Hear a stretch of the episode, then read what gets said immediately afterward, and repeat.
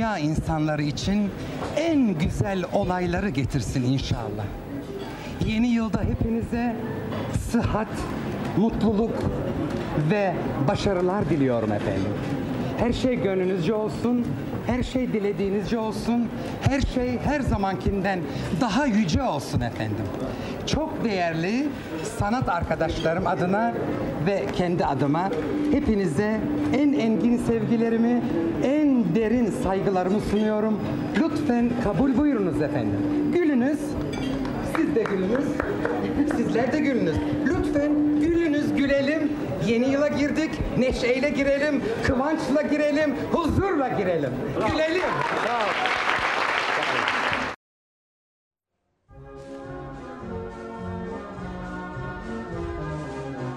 Efendim günaydın. Çalar Saat başlıyor.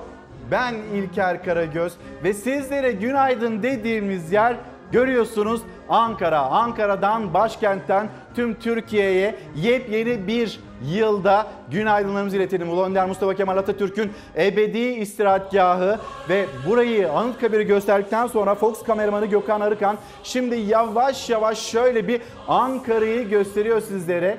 Yeni bir gün, yeni bir hafta, yeni bir ay ve yepyeni bir yılda 2023'ü tamamlayıp da 2024 yılına geçerken bizler Ankara'dan yoklamayı veriyoruz. Sizler neredesiniz? Ve 2023 yılı nasıl geçti? 2024 yılından dileğiniz, isteğiniz, beklentiniz, umudunuz neyse lütfen bizlere yazıp gönderin. Bari bu sene olsun. Başlığımız 2011 yılından 2023 yılına bir mektup yazılmıştı hükümet tarafından ve 10 mektuba bakacağız hep birlikte. 2023 yılı hedefleri gerçekleşmesi istenilenler, beklenenler kişi başına düşecek olan 25 bin dolarlar. Oldu mu o hedeflerin acaba ne kadarı tuttu?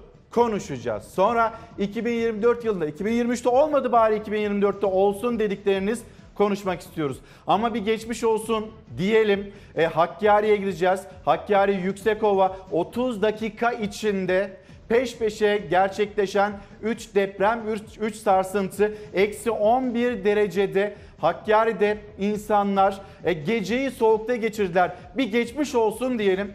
2024 yılında onlar böyle girdi. Ondan sonra devam edeceğiz elbette. Gelen zamlar da var. 2024 yılına girdik de o 2024 yılını nasıl tamamlayacağız?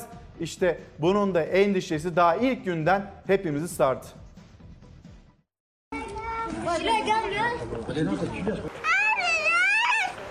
Korktunuz mu? Ha o da korktuk bayağı da korktuk. Yani üç kere olunca insan yani Yarım saat içinde tam 3 deprem meydana geldi Hakkari Yüksekova'da. O depremlerin en büyüğü 4,5 olarak kaydedildi. Hakkari'liler evlerinde yılbaşı kutlaması yapacakken çoluk çocuk panikle dışarı attılar kendilerini. Yeni yıla eksi dörtleri bulan soğukta ateş başında girdiler. Peş peşe yaşanan depremler 28 ev ve bir ahırda da hasara yol açtı. Evde oturmuş haberleri izliyorduk. Bir anda e, ev e, sallanmaya başladı. çok sallandı. Ee, millet evlerin dışarıda, herkes evlerini terk ettiler. Gördüğünüz gibi Gökhan ateş yakmış. Depremlerin ilki saat 19.37'de oldu. AFAD 4,4 olarak duyurdu depremin büyüklüğünü. İlk depremin ardından 19.52'de 3,5 ve 20.06'da 4,5 büyüklüğünde iki depremle daha sarsıldı Hakkari Yüksekova. Yeni yıl heyecanı bir anda yerini deprem paniğine bıraktı. Bu panikle herkes kendini apar topar dışarı attı ve şu anda herkes dışarıda bekliyor. Hava soğuk, Yüksekova'da deprem bir başka felaket, soğuk bir başka felaket. Dışarıda yapamıyorsun, içeriye giremiyorsun. Evlerinde yılbaşı kutlamaya hazırlanan Yüksekovalılar panikle dışarı koştular. Yeni yıla da dondurucu soğukta girdiler. Çoluk çocuk ateş yakıp sabahı bekledi çoğu. Evlerine girmeye korktular. Birincisinde oturduk çıkmadık. İkinci defa sallayınca aşağı indik. Kurtüler binayı boşalttık. Evde miydiniz? Evdeydim. Ee, Nasıl oldu? Valla oturuyordu, çay içiyordu, biz sallandı, gelip gitti, dışarı koştuk ya. Soğuk mu hava? Çok soğuk hava. Eksi derecede. Bazıları da araçlarında sabahladı. Yakıt almak isteyenler akaryakıt istasyonlarında kuyruk oluşturdu. Ben ailemi almışım arabama. Komşularımı, arabaya hepsini almışım. Korkudan ne yapacağımızı bilmiyoruz. Olay tedbir amaçlı şu an araçtayız. Depremlerde can kaybı ya da yaralanma yok ama sarsıntılar köylerde 28 ev ve bir ahırda çatlaklara yol açtı. Deprem uzmanları ise sosyal medya hesaplarından Hakkari depremiyle ilgili açıklamalarda bulundu. Ahmet Ercan ve Okan Tüysüz bölgenin 7 büyüklüğünde bir deprem üretebileceğinin altını çizdi. Profesör Doktor Naci Görür de heyelan riskine dikkat çekti. Arap levhası Doğu Anadolu'yu sıkıştırdı. Hakkari'de olası bir acil müdahale için alternatif yollar yapılmalı dedi. Serpil Hanım günaydınlar. 2023 yılı çok zor geçti. 2024 yılı böyle olmasın diye mesajını paylaşıyor bizimle. X'ten göndermiş. Instagram'dan da X hesabımızdan da bizlere ulaşabilirsiniz. Bari bu sene olsun başlığı altında konuşuyoruz. Biz yayınımızı Ankara'dan, stüdyomuzdan, büromuzdan yapıyoruz. Sizler neredesiniz? Gündemimizde ne var? 2024 yılından e, beklentileriniz nelerdir? Hani geçen sene olmadı bari bu sene olsun dedikleriniz nedir? Bizlere lütfen yazıp gönderin. Şöyle bir gazetelere bakalım. Yönetmenimizden Hilal'den ben bir rica edeyim.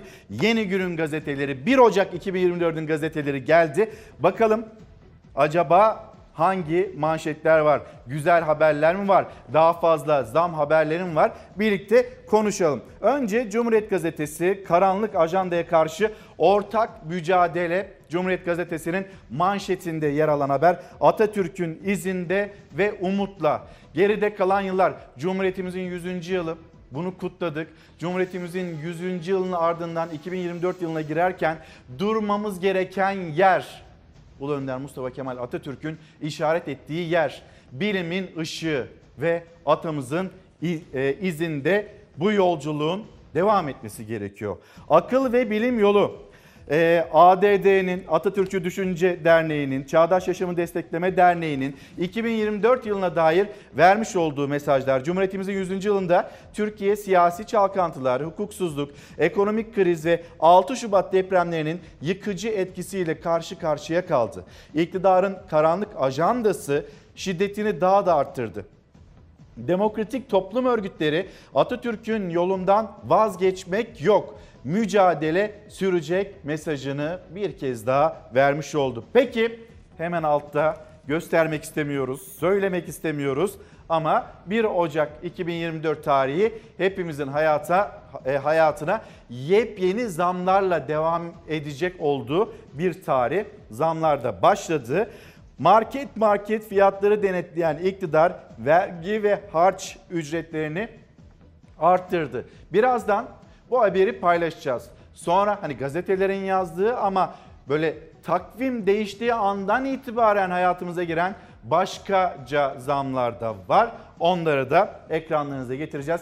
Birlikte konuşalım istiyoruz.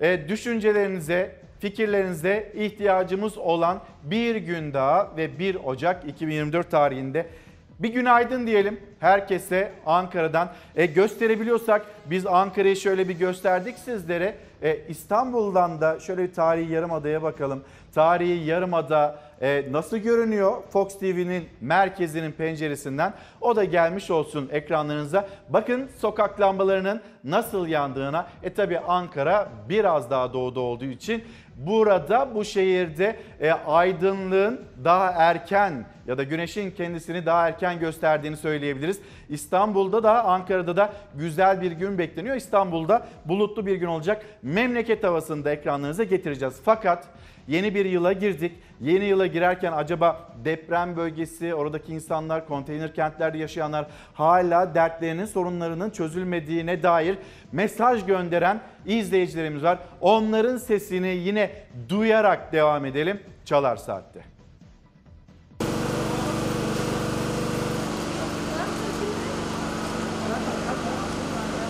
Yüreklerimiz buruk depremden kaynaklı. Yaşadıkları anın değerini bilsinler. Yattığınızda her şeyiniz var ama bir bakıyorsunuz uyandığınızda eviniz, aileniz hiçbir şeyiniz yok. Bir yılbaşı şekeri bile almak istemiyorlar. Neden? Yılbaşını kutlayacağız. Yüreklerindeki acı öyle büyük ki hiçbir tat, renk o eski günleri, eski yeni yıl heyecanlarını geri getirmiyor. Çünkü 2023 onlara hiç dinmeyecek bir sızı ve kocaman bir enkaz bıraktı. Birçoğu hala çadırda ve ihtiyaçları çok. Depremzedelerin 2024'ten beklentisi insani şartlarda yaşamak. Hala kayıplarını arayanların tek dileği ise sevdiklerinin mezarına kavuşabilmek. Son bir kez o yüzünü görememiş. Yaşıyorsa nerede? Hangi zalimin elinde? 2023'ün son gününde depremin yıktı. Turizm merkezlerinden olan Hatay'ın en net halini tarihi uzun çarşı anlatıyor. Yıkıntıların arasında tezgahlarda sahipsiz rengarenk şekerler, mis kokulu nergisler, askılarda çocukların hayalini süsleyen Noel Baba kıyafetleriyle Hatay 2024'ü bekliyor. Bakın şu hale bir Hataylı olarak sadece yaşadığımız afeti bir daha inşallah hiç kimse, hiçbir şehir, hiçbir ilimiz yaşamasın dileğinde bulunabilirim. Her şey güzel olsun dedi. Bu. Temenni o. Canlıydı, hareketliydi, çok güzeldi. Ama şu an herkesin içinde bir burukluk var tabii. Cıvıl cıvıl olan tarihi çarşı o kara günden sonra eski neşesini kaybetti. 6 Şubat depremlerinde yıkımın en ağırını yaşayan Hatay'da 11 aydır beklenen değişim olmadı. Depremzedeler kara kışta çadır ve konteynerlarda yaşamak için mücadele ediyor. Unutamıyoruz yaşadıklarımızı, kayıplarımızı. Elektrik alamıyor sıkıntısı var, su alamıyor sıkıntısı var, altyapısı. 11 ay oldu geçeli. Depremden hala aynı sıkıntılar devam ediyor. Olduğumuz yerde saymıyoruz. Bence daha da giriyor. Elektrik ve su sorunu yaklaşık 11 aydır giderilemedi Hatay'da. 2024'ten istenen tek dilekse yaşanabilir bir kent bu nedenle. Şu şehrimizi yaşanabilir bir hale getirirlerse, yani umudumuz bu. Yeni yılın son gününü o kara günden geriye sağ kalan tek kızıyla kentteki büyük kabristanda geçiren babam Mehmet Yılmaz gibi sevdiklerinin soğuk mezar taşının başında geçirenler de var. Depremde kaybettiği yakınlarını hala arayanlarsa bir mezar taşı istiyor 2024'ten. Annemi babamı kaybettim ben. Günaydın derken bari bu sene olsun marketlere şöyle bir bakılsın. Marketlerde bu fiyatlar neden böyle alıyor başını gidiyor ve biz ne yapacağız diyen izleyicilerimiz var. Bari bu sene olsun emeklinin sesi duyulsun. Asgari ücret 17.002 lira olarak belirlendi. Ama biz bu ücretlerle nasıl geçineceğiz diye endişelenenler var. Daha o ücretler hesaplara yatmadan Şimdi hemen her şeye zamlar geldi. Devletin vergilere, cezalara, harçlara yapmış olduğu zamlar onları da getireceğiz ekranlarınıza. Konuşacağız elbette. Yalnız hani sürekli bir umut hali. E ondan da bahsedelim. Sabah gazetesi seçmenin umutsuz olmamasını isteyen yaklaşımları manşetinden de paylaşıyor. Cumhurbaşkanı Erdoğan diyor ki 2024'te Türkiye'nin yıldızını yükselteceğiz. Buraya kadar getirdik, yükselttik. 2024'te daha da yükselteceğiz diyor Cumhurbaşkanı yeni yıl mesajında. Evet, 2023 hedefleri başlangıçtı. Asıl çıkışımızı Türkiye 100 yılıyla 2024'te birlikte başlatıyoruz. 2023 hedefleri bir başlangıçtı da o 2023 hedeflerinin ne kadarının tuttuğuna şöyle hep birlikte bir bakalım ve diyor ki asıl çıkışımızı biz 2024'te gerçekleştireceğiz. Buraya kadar hani belirli bir aşama, belirli bir seviyeye geldik. Ama siz asıl 2024'ü bir görün diyor Cumhurbaşkanı. Vatandaş da bir 2024'e girdik. Biz bu 2024'ten sağ salim ezilmeden enflasyona pahalılığa nasıl çıkacağız? Asıl çıkışı biz bulabilecek miyiz? Bunun kaygısını yaşıyoruz diyor gelen mesajlardan gördüğümüz. Peki hedef 2023'tü. 2011 yılından 2023 yılına böyle bir mektup yazılmıştı ve oradaki hedefler dünyanın en büyük 10 ekonomisinden birisi olmasıydı Türkiye'nin. Peki ilk 20'de miyiz? Hani en azından onlardaydık. 17'ler, 16'lar, 18'ler bir sıralama vardı. Yukarı çıkıyorduk, iniyorduk. E şimdi ilk 20'de bile değiliz. Sonra milli gelir 2 trilyon dolara ulaşmış. Benim böyle bir hayalim var diyordu Cumhurbaşkanı Erdoğan. Ama bu hayalin bayağı gerisinde kaldık. Kişi başına düşen milli gelir 25 bin dolar olacaktı. 13 bin, 14 bin, 15 bin dolar, olursa oh ne güzel diyeceğimiz günleri yaşıyoruz. İşsizliği %5'in altına düşmüş olarak görmek istiyorum. Benim hayalim bu 2023'te demişti yine Cumhurbaşkanı. Bu hayallerin hiçbiri gerçekleşmedi. Gerçeklere bakacak olursak vatandaş geçinemiyor. Vatandaş emekli memur ne yapacağını şaşırmış halde ve her yerde çarşıda pazarda bir pahalılık yaşanıyor. Konuşalım bari bu sene olsun bunlar geride kalsın. Cumhurbaşkanı Erdoğan söylediği gibi 2024 yılı asıl yükseliş yılı olsun. Ama siyasetin söylediğiyle vatandaşın yaşadığı arasında dünyalar kadar fark var. O yüzden siyasetçi değil de siz bize bir anlatırsanız 2023 nasıl geçti? 2024'ten umduklarınız, bekledikleriniz onlar bizim için çok çok daha kıymetli. Peki dün gece e, yaşanan trafik kazaları da var. Bir tarafı maalesef alkol, diğer tarafı dikkatsizlik. Hemen o kazaları getirelim ekranlarınıza.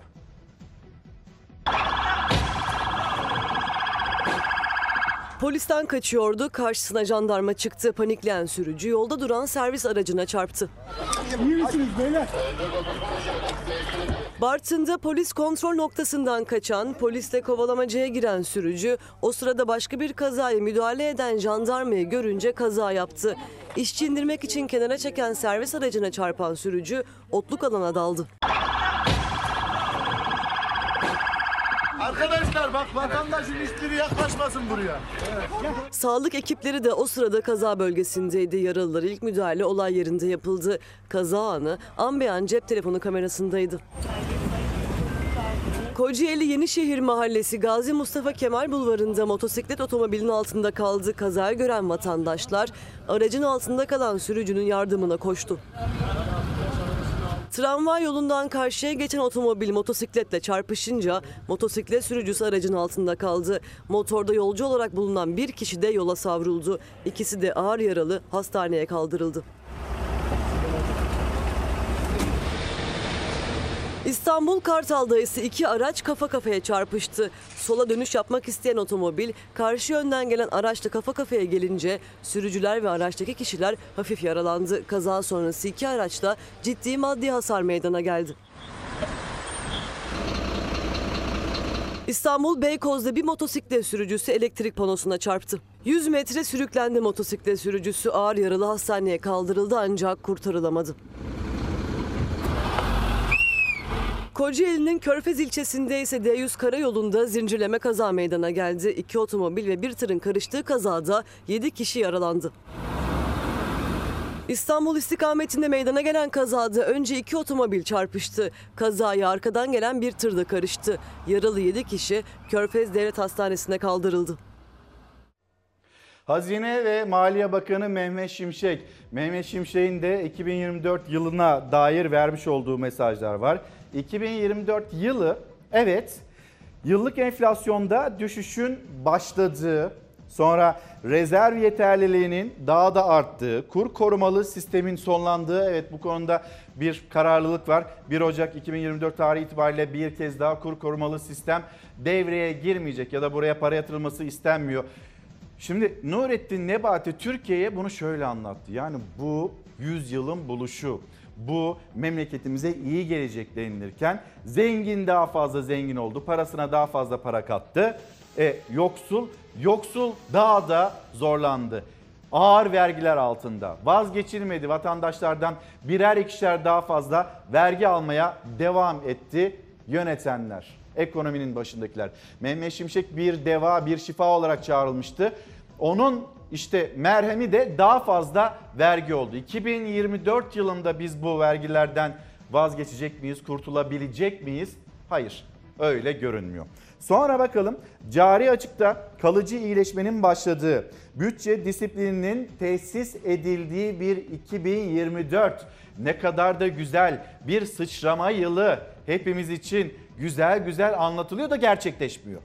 Sonra sürdürülebilir yüksek büyümenin temellerinin güçlendiği bir yıl olacak diye de tarif ediliyor, anlatılıyor. 2023 yılı zor geçti her anlamda, ekonomik anlamda. E bir de 2023 yılı Türkiye Cumhuriyeti'nin 100. kuruluşunun 100. yılıydı. ve tam da son günlerine denk gelen bir karşılaşma. Süper Kupa karşılaşması ve bu maçta nedendir sebebi de bir türlü anlaşılamadı. Bir ısrarla götürüldü Türkiye'nin iki büyük kulübü Galatasaray ve Fenerbahçe Suudi Arabistan'ın Riyad şehrine, başkentine. Orada karşı karşıya gelecekler. Sonra takımlar kazanacak, Türkiye'nin reklamı yapılacak. Sonra Mehmet Büyükekşi Türkiye Futbol Federasyonu alkışlanacaktı. Hani öyle bir plan, düşünce vardı. Fakat öyle olmadı. Suudi yetkililer, otoriteler hani kimse onlar Türkiye'nin e, ulu önderi Mustafa Kemal Atatürk'ü işte o sahada, o statta görmek istemediler. Yani Türkiye Cumhuriyeti'nin İstiklal Marşı'nı da, atasını da pazarlık konusu yapmak istediler. Kalbinden, gönlünden silinemeyecek olan Bulus'un lideri için bir takım müzakereler yürütüldü. Sonra ne oldu? Fenerbahçe kulübü de, Galatasaray kulübü de onlar da biz bu şartlarda, biz bu şartlarda burada olmayız. O stada çıkmayız, gitmeyiz. Konuşalım, tartışalım diyenler de oldu. Sonra ortalı mesajları yayınlayanlar oldu. Bakın Türkiye Futbol Federasyonu Başkanı Mehmet Büyükekşi istifa edecek mi, etmeyecek mi? Bu konuşuluyor değil mi şimdi? Bakın Türkiye'de sahanın ortasında bir hakem yumruklandı. Orada gündeme çok fazla gelmedi. Sonra bir kulübün başkanı yeter artık diyerek ses yükseltti. Takımını sahadan çekti. İstifa konusu bu kadar yüksek sesle dillendirilmedi. Ne zaman ki Fenerbahçe ve Galatasaray'ın maçı Suudi Arabistan'da oynatılamadı. O skandallar hani görmezden gelindi de bu başarılamadı. Şimdi Türkiye Futbol Federasyonu Başkanı'nın istifası gündemde. Edecek mi, etmeyecek mi? Bakalım hep birlikte göreceğiz. Karar Gazetesi'nin manşeti bir avuç dolar için değer miydi? Bu ülkenin değerli kulüplerini oraya götürmek, onları ikna etmeye çalışmak, hatta üzerinden futbol kulüplerini de ikna etmeye çalışmak. Atamız yok sayılsın mı?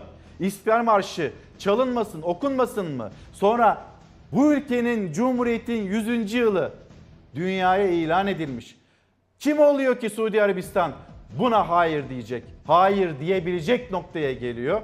İşte o itiraz sesleri ve Karar Gazetesi'nin manşetine bir daha dönelim. Türkiye'yi sarsan Süper Kupa skandalı büyüyor. Suudilerin Fenerbahçe Galatasaray maçının Riyad'da yapılması için 4 milyon dolar teklif ettiği, kulüplerin 1.6'şar milyon doları peşin altında dile getirildi. 4 milyon dolar mı? Bu kadar mı? 4 milyon dolar için mi bize bunu yaşattınız? Onurlu bir şekilde çıkmayı başardı Türkiye. Kulüplerimiz de o şekilde. Biz bunu 4 milyon dolar için mi yaşadık? Gerçekten mi? İstanbul'da bir ev almaya kalksa birisi zaten bu paralar verilir. Ne diyorsunuz? Türkiye'ye bu yaşatılır mı? Yaşatılabilir mi? Devam edelim. Yaşanan rezalet konusunda kapsamlı bir açıklama yapılmaması tepkileri arttırırken e tabi bir de açıklama yapmak lazım. Oradan çıkarken e, yapılan açıklama bir gerginlik olmasın diye yapılan açıklamalar var. Ama sonrasında kulüplerin de mesela Fenerbahçe kulübünün de yapmış olduğu açıklamalar da var. İddiaların aksine takımların sahaya Atatürk posteri ve pankartla çıkma taleplerinin maç günü değil günler öncesinde Türkiye Futbol Federasyonu'na bildirdikleri ortaya çıktı. Sonra bakın haberimiz gelsin. Ben belki biraz sözü uzattım. Fakat burada bir mesaj da veriliyor. Cumhurbaşkanı Erdoğan'ın sözleri var. Yapılması gereken ne varsa e, bunlar yapılacaktır diyor. Cumhurbaşkanı hangi adım atılması gerekiyorsa onu yapmaktan çekinmedik, çekinmeyeceğiz mesajını verdi. Tabii bu mesaj kime? Bu bir destek mesajı mı değil mi? Cumhurbaşkanından o da çok anlaşılamadı. Şimdi haberimizi izleyelim. Sonra Yeni Şafak gazetesinde bir manşet var. O manşetle ne demek isteniyor? Onu anlamaya çalışalım. Sporun günlük siyasi rekabetin mezesi haline getirilmesi yanlıştır. CHP ve şürekası ders vermeyi bıraksınlar. Hala da bizi suçluyor.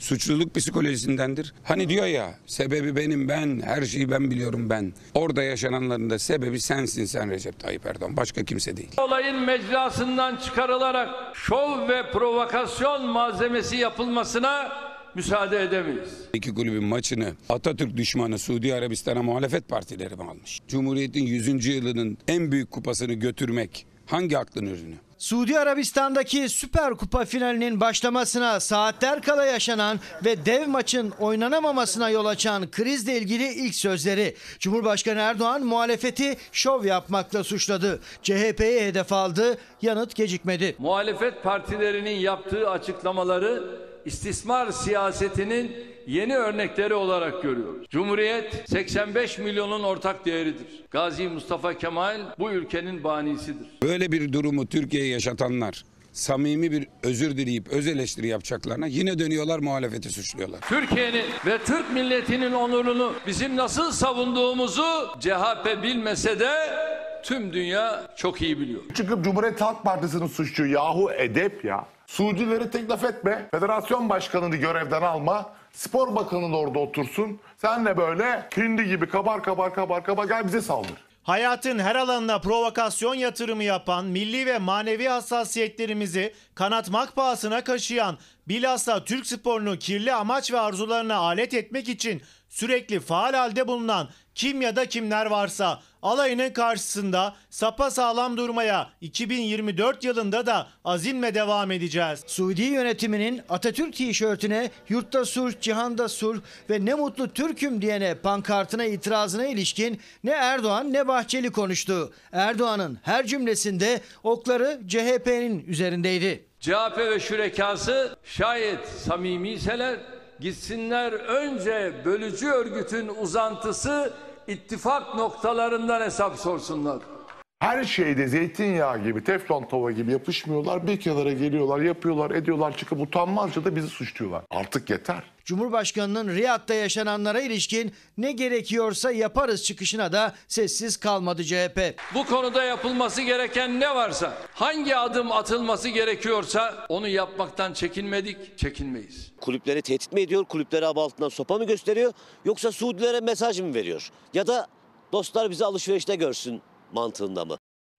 Öylesine büyüksün ki atam, zaferlerine zafer katmaya devam ediyorsun. Sene 2024, Türkiye Cumhuriyeti'nin 100. yılı. Seninle hesaplaşmak isteyenler, seninle kavgaya tutuşanlar her defasında kaybediyor. Öylesine büyüksün. İnsanların aklında, zihninde, kalbinde, damarlarında hissettikleri koskocaman büyük bir sevgi var. O minnet var ve kimsede milyonlar Anıtkabir'e akıyor. Farkındasınız değil mi? Yani burayı biraz daha açalım. Milyonlar bayramda hatta bayram olsun olmasın atasına koşuyor. Anıtkabir'e koşuyor. Öylesine büyük bir sevgi. Seneler geçiyor her 10 Kasım'da dünyada hiçbir lidere e, nasip olmamış bir şekilde bir ulusun, bir milletin nasıl saygı duruşuna geçtiğine tanıklık ediyorsunuz. Türkiye Cumhuriyeti'nin iki kulübü götürüldü işte Suudi Arabistan'da. İşte 4 milyon dolardı, oydu buydu bilmiyoruz. Rakamları belki de kulüpler net bir şekilde çıkacaklardır, açıklayacaklardır, anlatacaklardır. Neyse ne deyip ellerinin tersiyle biz atamız olmadan, atamız yok sayılarak, İstiklal Marşımız olmadan burada olmayız diyen kulüpleri var bu ülkenin. Ve onlara sahip çıkan, döndüklerinde havalimanında onlara sahip çıkan, bayraklarla, pankartlarla, renkleriyle, tüm renkleriyle sahip çıkan insanlar var. Ve bakın manşetlere. Yeni Şafak gazetesi. Ali Koç hep provokasyon peşinde deniliyor. Yeni Şafak gazetesinde. Sportif başarılarından çok sürekli siyasi tartışmalar ve krizlerle anılan Fenerbahçe Başkanı Ali Koç'un son marifeti, son marifetiymiş bu Ali Koç'un Yeni Şafak gazetesine göre. Suudi Arabistan'daki Süper Kupa mücadelesini Atatürk bahanesiyle iptal ettirmek oldu. E Galatasaray'da var. Yani Fenerbahçe bunu istedi ve iptal ettirdi de Galatasaray bu işin hiçbir yerinde değil miydi? Galatasaray atasını savunmadı mı? Futbolcular onlar, onların paylaşımları onları görmezden mi geleceğiz? Hayırdır? Ali Koç. Ali Koç üzerinden niye bir böyle bir tartışma başlatılmak isteniyor. Bir süredir saha dışındaki oyunlarla gündeme gelen, futbolu yöneten Türkiye Futbol Federasyonu Başkanı Mehmet Büyükekşi de krizin diğer sorumlusu. Yeni Şafak gazetesi burada yaşanan krizin sebebini bulmuş. Atatürk bahanesiyle maçı iptal ettirdi dediği Ali Koç, bir de sahalarda yaşanan durumlar var. Bunları da başarılı yönetemedi dediği Mehmet Büyükekşi. Hani savunuluyordu, haberler yapılıyordu, güzellemeler yapılıyordu. O gazetelerden birisi bu. Mehmet Büyükekşi'ye karşı cephe alınmış. Peki orada yaşananların sorumlusu mesela hiç mi Suudi Arabistan değil? Hiç mi oradaki yetkililer değil? Suudi Arabistan'daki yetkililer diyor ki mesela verilen bilgiler burası krallık sizin Cumhuriyet Şovu yapmanıza izin vermeyiz diyor mesela Suudi yetkililer. Yani Ali Koç orada Fenerbahçe kulübü ve Galatasaray kulübü orada diyor ki burası hani geldik tamam da Cumhuriyetimizin 100. yılı. Biz atamız olmadan, yurtta surt, cihanda surt demeden, atamızın resmi üzerimizde olmadan, pankartlarımız olmadan biz bu sahaya çıkmayız diyor aslında kulüpler. Ve onlar da diyor ki size burası krallık hayırdır diyor onlar. Burası krallık. Size burada cumhuriyet bunun şovunu yaptırmayız yanıtı veriliyor. Mesela onların hiçbir sorumluluğu yok. Onları hiç konuşmayacak mıyız? Ali Koç mu burada sorumlu? Mehmet Büyükekşi bir şeyi başaramadı. Pek çok şeyle beraber bir şeyi daha başaramadı. Tamam bir kenara koyalım. Ama alınmış bir karar var. Ve bu kararın ardından Türkiye Cumhuriyeti'nin e, kurumlarının ya da kurullarının desteklenmesi gerekmez mi acaba? Yo diyor Yeni Şafak gazetesi bulmuş suçluyu okurlarının karşısına da bu şekilde çıkmış. Efendim şimdi hızlı bir şekilde yönetmenimizden e, bir rica edeyim. Mehmetçiğimizin ayaklarına taş değmesin. Mehmetçiğimizin bir yeni yıl mesajını duyalım. Onlar biz rahat bir şekilde uyuyalım diye, bu ülke gelişsin diye, bu ülke kalkılsın diye, bu ülkenin gençleri, çocukları daha huzurlu bir ortam içinde büyü- büyüyebilsinler diye bir tarafta bakıyorsunuz karlı dağlarda, zirvelerde, diğer tarafta ovalarda, asayiş nöbetinde ve Mehmetçiğimizden bir mesaj var. Mola'ya gideceğiz ama Mehmetçiğimizin mesajıyla gidelim. Yazın sıcak, kışın soğur yaktı Irak kuzeyinden selam olsun milletimize. Huzur ve güvenin teminat olmak için Mehmetçik zorlu coğrafyalarda Mutlu yıllar Türkiye! Mutlu yıllar Türkiye! Mutlu yıllar Türkiye! Mutlu yıllar Türkiye! huzur içinde yaşamak, şehit analarının yüreklerindeki ateşi soğutabilmek Ve hain emelleri olanları bozguna uğratmak için İkinci yüzyılda yerli ve milli imkanlarla görevimizin başındayız. Mutlu yıllar Türkiye! Romanya'dan mutlu yıllar Türkiye!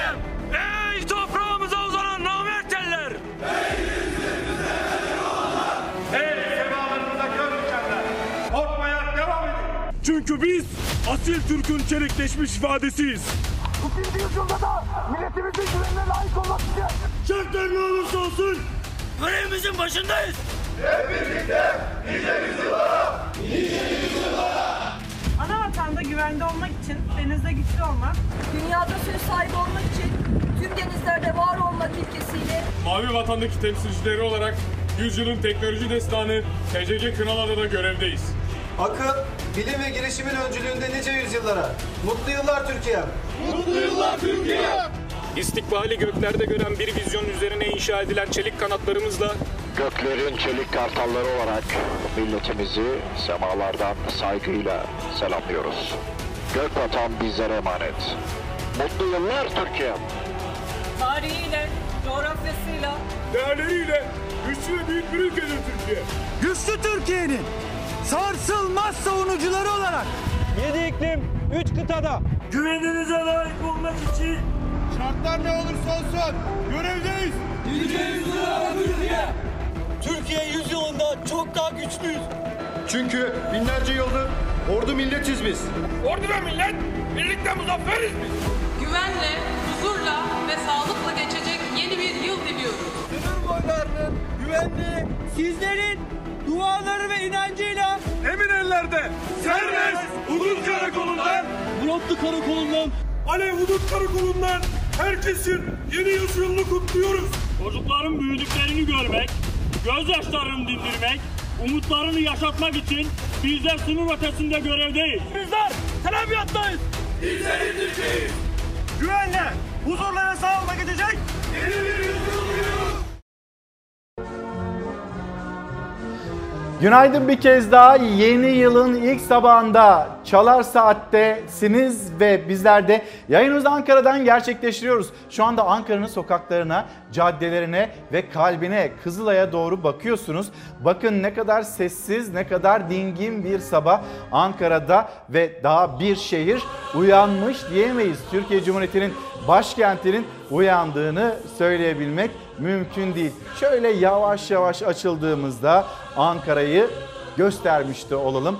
Bakanlıklar ve sonrasında Genelkurmay Başkanlığı, İçişleri Bakanlığı, Milli Eğitim Bakanlığı. Aa, bu arada Milli Eğitim Bakanlığı ya da Milli Eğitim Bakanı'nın açıklamalarına itiraz eden izleyicilerimiz var. Atanmayan öğretmenler bir beklenti içindeydiler 2024 yılı için. En son ne söylendi bu atamayla ilgili? Onun notlarını da getireceğiz ekranlarınıza. Şimdi biz Ankara büromuzdan yayınımızı gerçekleştiriyoruz. Sizleri bir de İstanbul'a götüreceğiz. Galata Kulesi'ne götürelim. Galata Kulesi'nde de e, 308 STK ve siyasetçiler onların bir buluşması var. E, Gazze için bu buluşma, şehitlerimiz için buluşuyoruz ve İsrail'e lanetler yağdırmak için bu buluşma diyenler görüyorsunuz sizler de Galata Köprüsü sabahın erken saatlerinde yeni yılın ilk gününde ve sabahında buluştular. Ankara'dan Hani daha önce bu yükselen tepkiler vardı siyasetten. Şimdi İstanbul'da da 1 Ocak 2024 tarihinde de bu Türk bayraklarını görüyorsunuz, Filistin bayraklarını görüyorsunuz sloganlarla Netanyahu'ya ve İsrail yönetimine yönelik mesajlar. Bir dinleyelim.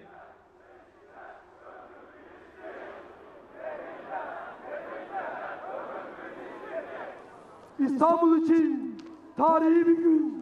100 yıl sonra yeniden aşk ile İstanbul için tarihi bir gün denilerek e, Gazze'ye yönelik destek mesajları işte bu şekilde Galata Köprüsü'nün hemen kıyısında yükseliyor. Peki Evrensel Gazetesi'nde de yer alan bir haber var aslında siyaset bunu, Ankara bunu çok konuştu. Hatta bunu anlatmaya çalışırken 2023 yılının son günlerinde bütçe görüşmelerinde Saadet Partili bir milletvekili hayatını kaybetti. Ve Evrensel Gazetesi'nin de manşeti büyük iki yüzlülük.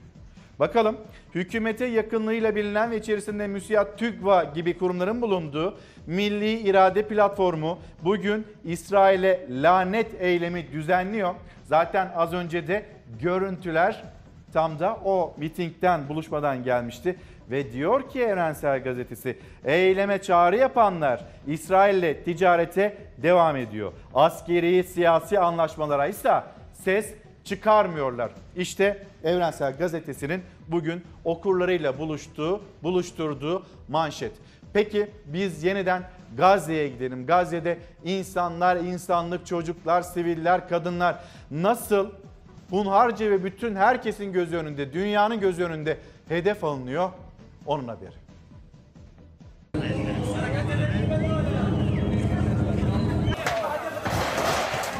2024'ün ilk saatlerinde de Gazze'de savaş devam etti. Filistinli gruplar İsrail'in saldırılarına roketlerle karşılık verdi.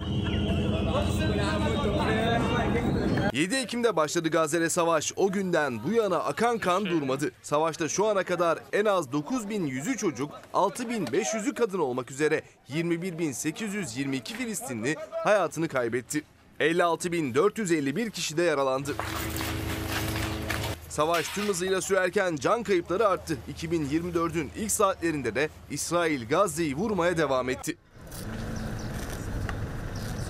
Filistinli gruplar da o saldırılara roketlerle karşılık verdi. Öte yandan İsrail dikkat çeken bir karar aldı.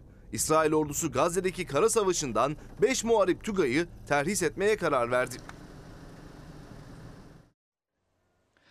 Efendim şimdi 2024 yılına girdik. Acaba girmese miydik bir 2024 yılını atlayabilir miyiz? 2025 belki başarabilirsek 2026'ya mı geçsek diyen izleyicilerimiz de var. Niye? Çünkü bir yıl başlıyor inanılmaz zamlarla başlıyor. Daha e, çalışanların, emeklerin, memurların, asgari ücretlerin cebine o paralar girmeden, zamlar yansıtılmadan hemen her şeye mesela Ankara'da ekmeğe zam geldi. Hemen her şeye zamlar gelmeye başladı. Bir kere bunu hatırlatalım ama ne deniliyor? Cumhurbaşkanımız tarafından Cumhurbaşkanı Erdoğan Sabah gazetesinin de manşetinde yer alıyordu. Bakalım Sabah gazetesine geri dönelim. Belki de güne yeni yıla 1 Ocak tarihine şu anda başlayanlar vardır. Ekranın karşısına geçenler vardır.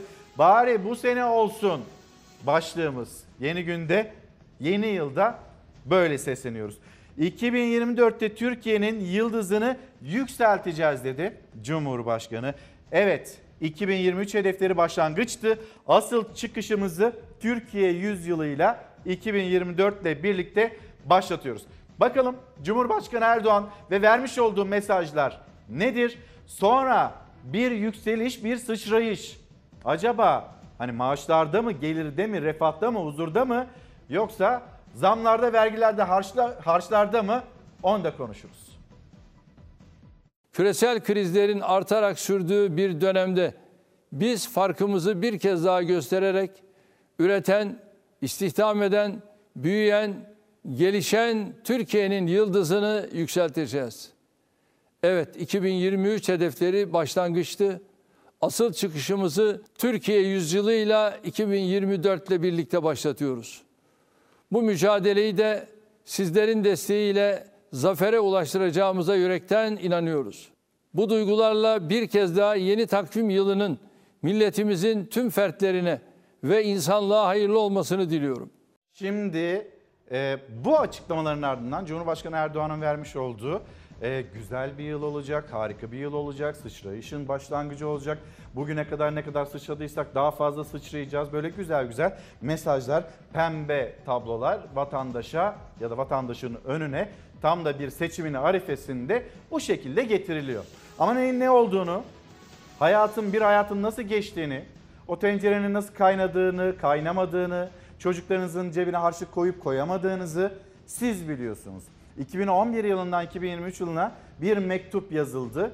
10 mektuba dönüp baktığınızda e, gerçekleşmediğini görüyorsunuz. Yani 2023 hedef 2023'tü. 25 bin dolarlar, kişi başı gelirler, 2 trilyon dolarlar bir sürü şey söylendi. Dünyanın en büyük 10 ekonomisinden birisi olacağız denildi.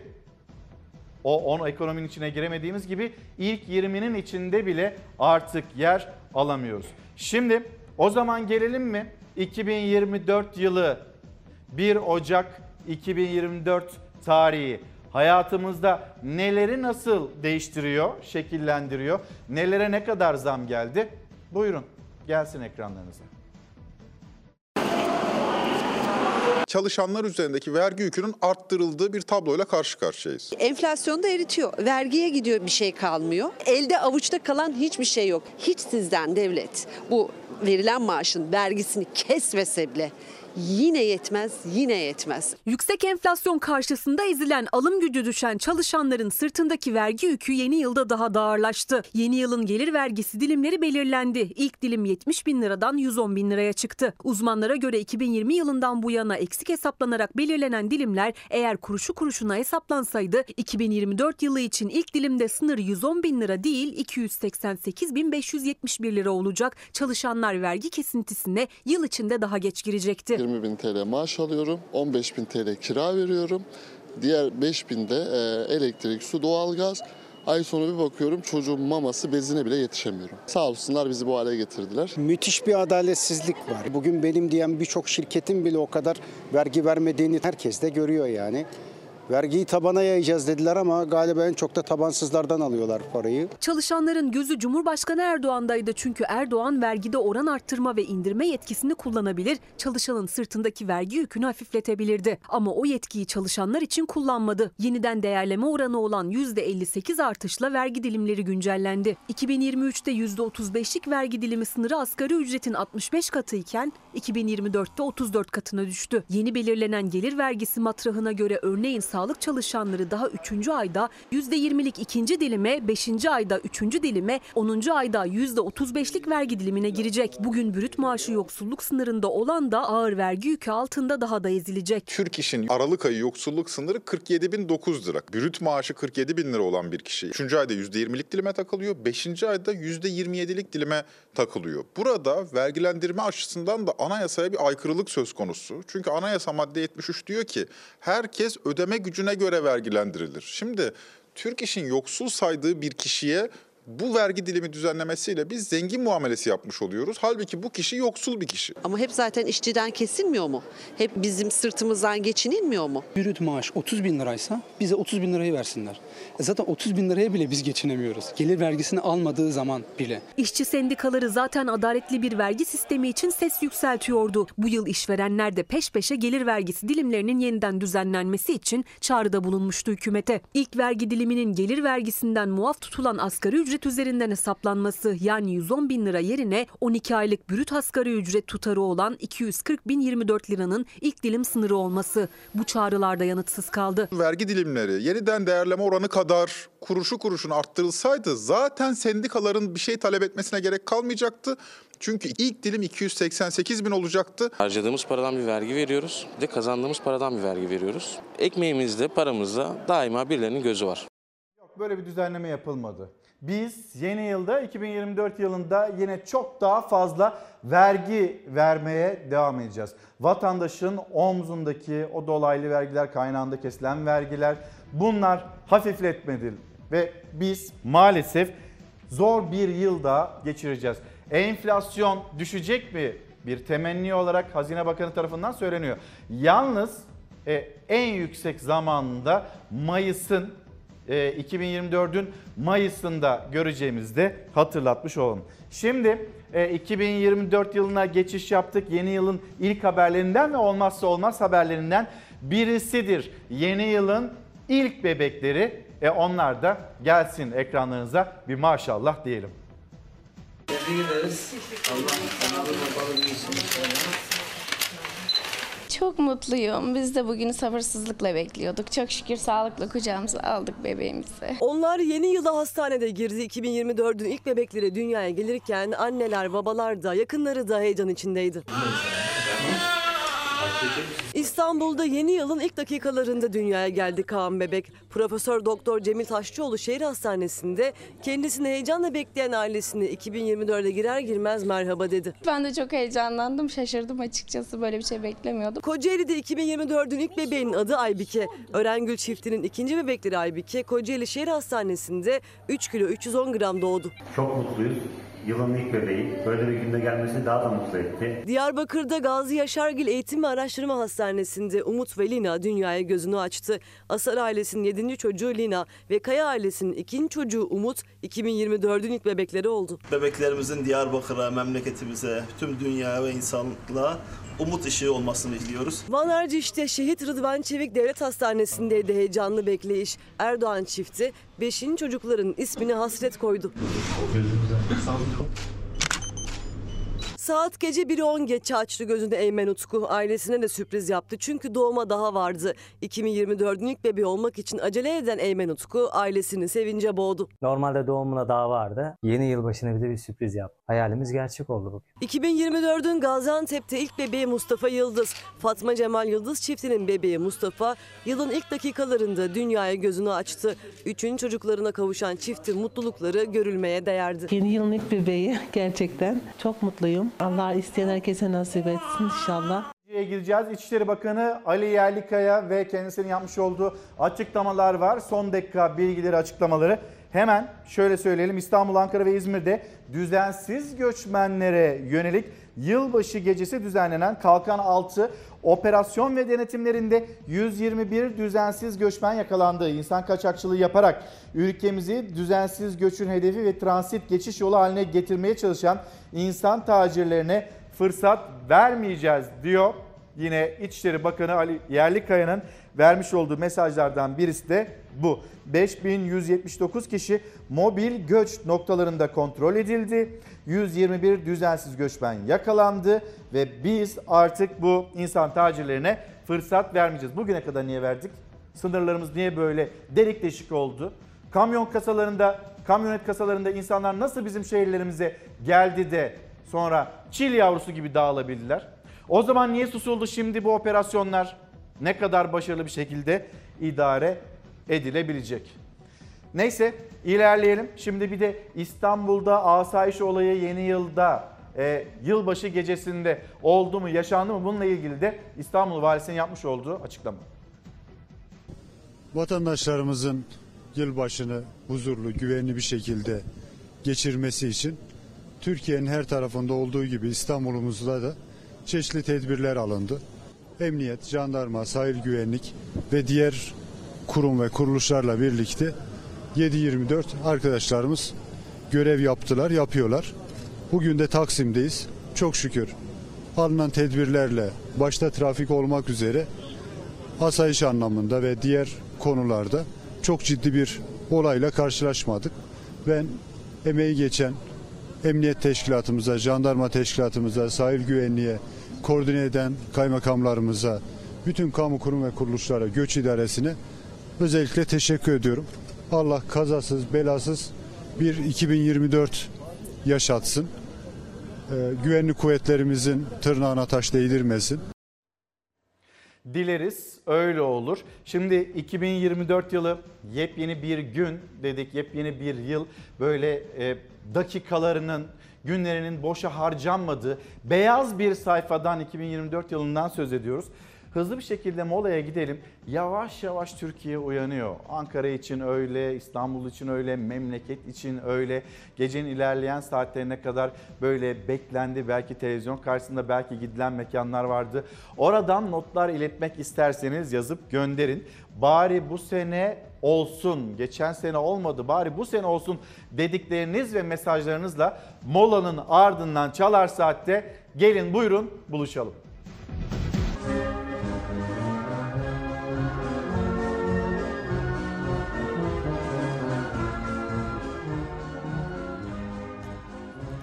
Günaydın. Yeni yılın ilk sabahı 1 Ocak 2024 tarihinde e, Ankara'dan yayınımızı gerçekleştiriyoruz. Şöyle bir yavaş yavaş e, size başkenti gösterirken Türkiye Büyük Millet Meclisi kameraya girdi. Şu anda görüyorsunuz Genelkurmay Başkanlığı, ondan sonra e, İçişleri Bakanlığı, Emniyet Genel Müdürlüğü böyle yavaş yavaş bir görüntüyü ve şu anda da e, Fox kameramanı Gökhan Arıkan'ın gösterdiği yer Kızılay, Türkiye Cumhuriyeti'nin başkenti Ankara'nın da kalbi Kızılay Meydanı. Bu şekilde göstereyim. Bir taraftan da dumanlar yükseliyor. Ankara'da havanın soğuk olduğunu da yine söyleyelim, paylaşalım. 1 Ocak 2024 dedik. Bari bu sene olsun dediğimiz konular, istekler, beklentiler var. Mesela staj konusunda, çıraklık konusunda çözülmeyen meseleler senelerdir bekliyor. Bari bu sene olsun diyen, isteyen izleyicilerimiz var. Sonra belki yine hatırlatmak istediğiniz başka konular vardır. Onları da bizimle paylaşın. Özgür Bey yazmış. Bağkur, tescil, ihya mağduruyuz. Bunun da düzelmesini istiyoruz. Bari bu sene olsun denilen konuların arasına bir ekler misiniz demiş bizimle paylaşmış. Şimdi yeni yıl notları var. Şu anda ekran karşısına geçen izleyicilerimiz var mı?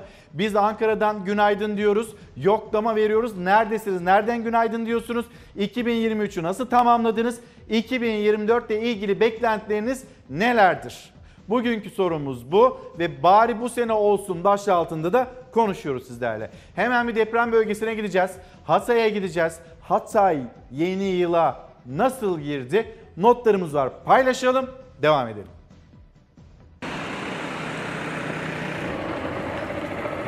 O acı gecenin üzerinden geçen 11 ay yaraları sarmaya yetmedi. 6 Şubat depremlerinde en ciddi hasar alan illerden Hatay ve Kahramanmaraş 2024'ü sessiz karşıladı. Hatay'da yaklaşık 25 bin insan hayatını kaybetmişti. Yaşanılan o büyük acıyla geçti 2023. Dün gece de şehirde adeta matem havası vardı. Bugün sessizliğin hakim olduğu şehirde geçmiş yıllarda coşkulu kutlamalar oluyordu.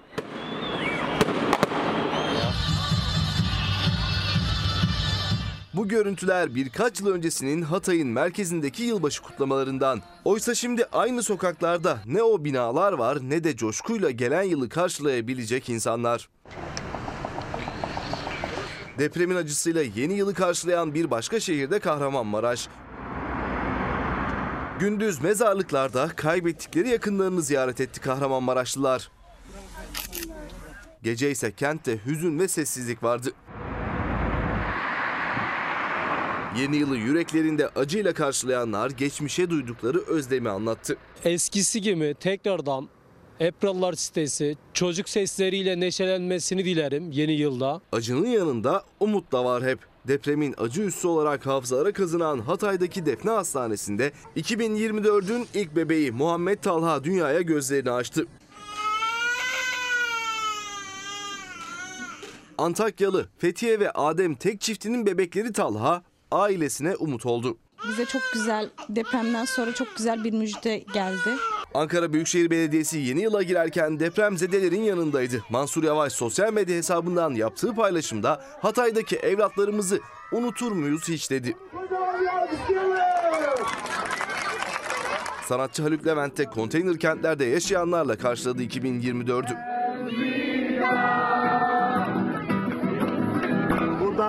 Depremzede kardeşlerimle beraber yeni yıla giriş yapıyoruz. Hepinize sevgiler sunuyoruz. Olmasan da birlikte hiç istemesen bile yaşarım ben seni. Şimdi yurttan isterseniz o yeni yıla giriş ve kutlama görüntüleri var. Onları getirelim ekranlarınıza.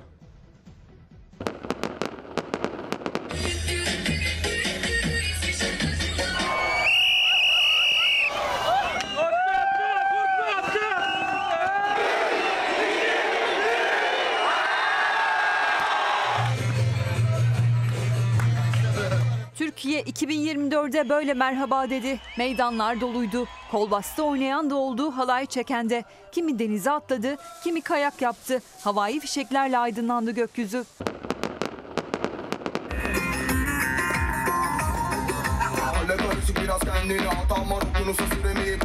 Ülkemiz için, milletimiz için her şeyin en iyisini diliyoruz. Acılarda, sevinçlerde hepimizin koca bir yıl geride kaldı. Önümüzde kullanılmamış yepyeni bir yıl var. Umutlara ve yeni heyecanlara gebe.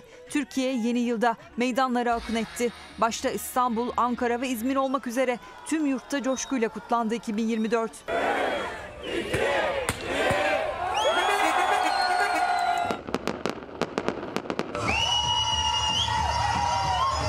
ailecek evinde karşıladı yeni yılı, kimi de sokaklara koştu. Hınca hınç doldu meydanlar. Çok istekli paralar bekliyorum. Bütün herkese sevgi ve sağlık bekliyorum. İstanbul Şişli'de yeni yıl bereketli geçsin diye sokağa bardak ve nar atıp kırdılar. Bazıları da 3 günlük yılbaşı tatili fırsatını kaçırmak istemedi. Tatil beldelerine koştu. Cebinde parası olan için eğlence sınır tanımadı. Kayak merkezlerinde de yoğunluk vardı. Bursa Uludağ kar yağmadı bu yıl başında ama yeni yıl coşkusuna gölge düşmedi. Pistlerde kar yoktu bu yıl için. Maalesef kar yağmadı. Otellerde sahne alan sanatçılarla gönüllerince bir yılbaşı geçirdi Uludağ tercih edenler. İstersen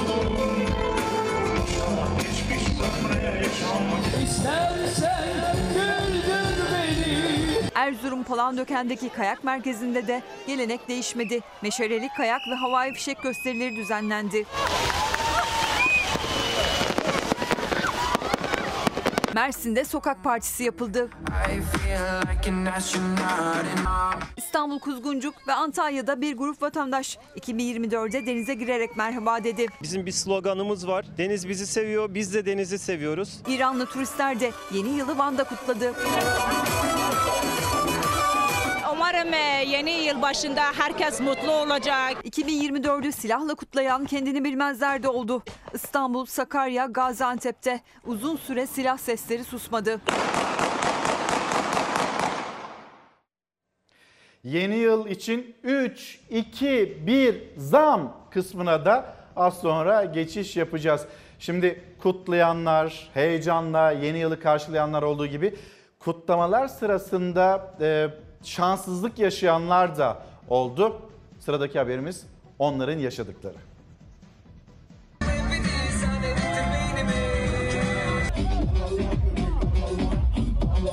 Arkadaşları havaya attı ama tutamadılar. Havaya fırlatılan genç yere düştü. Soluğu hastanede aldı.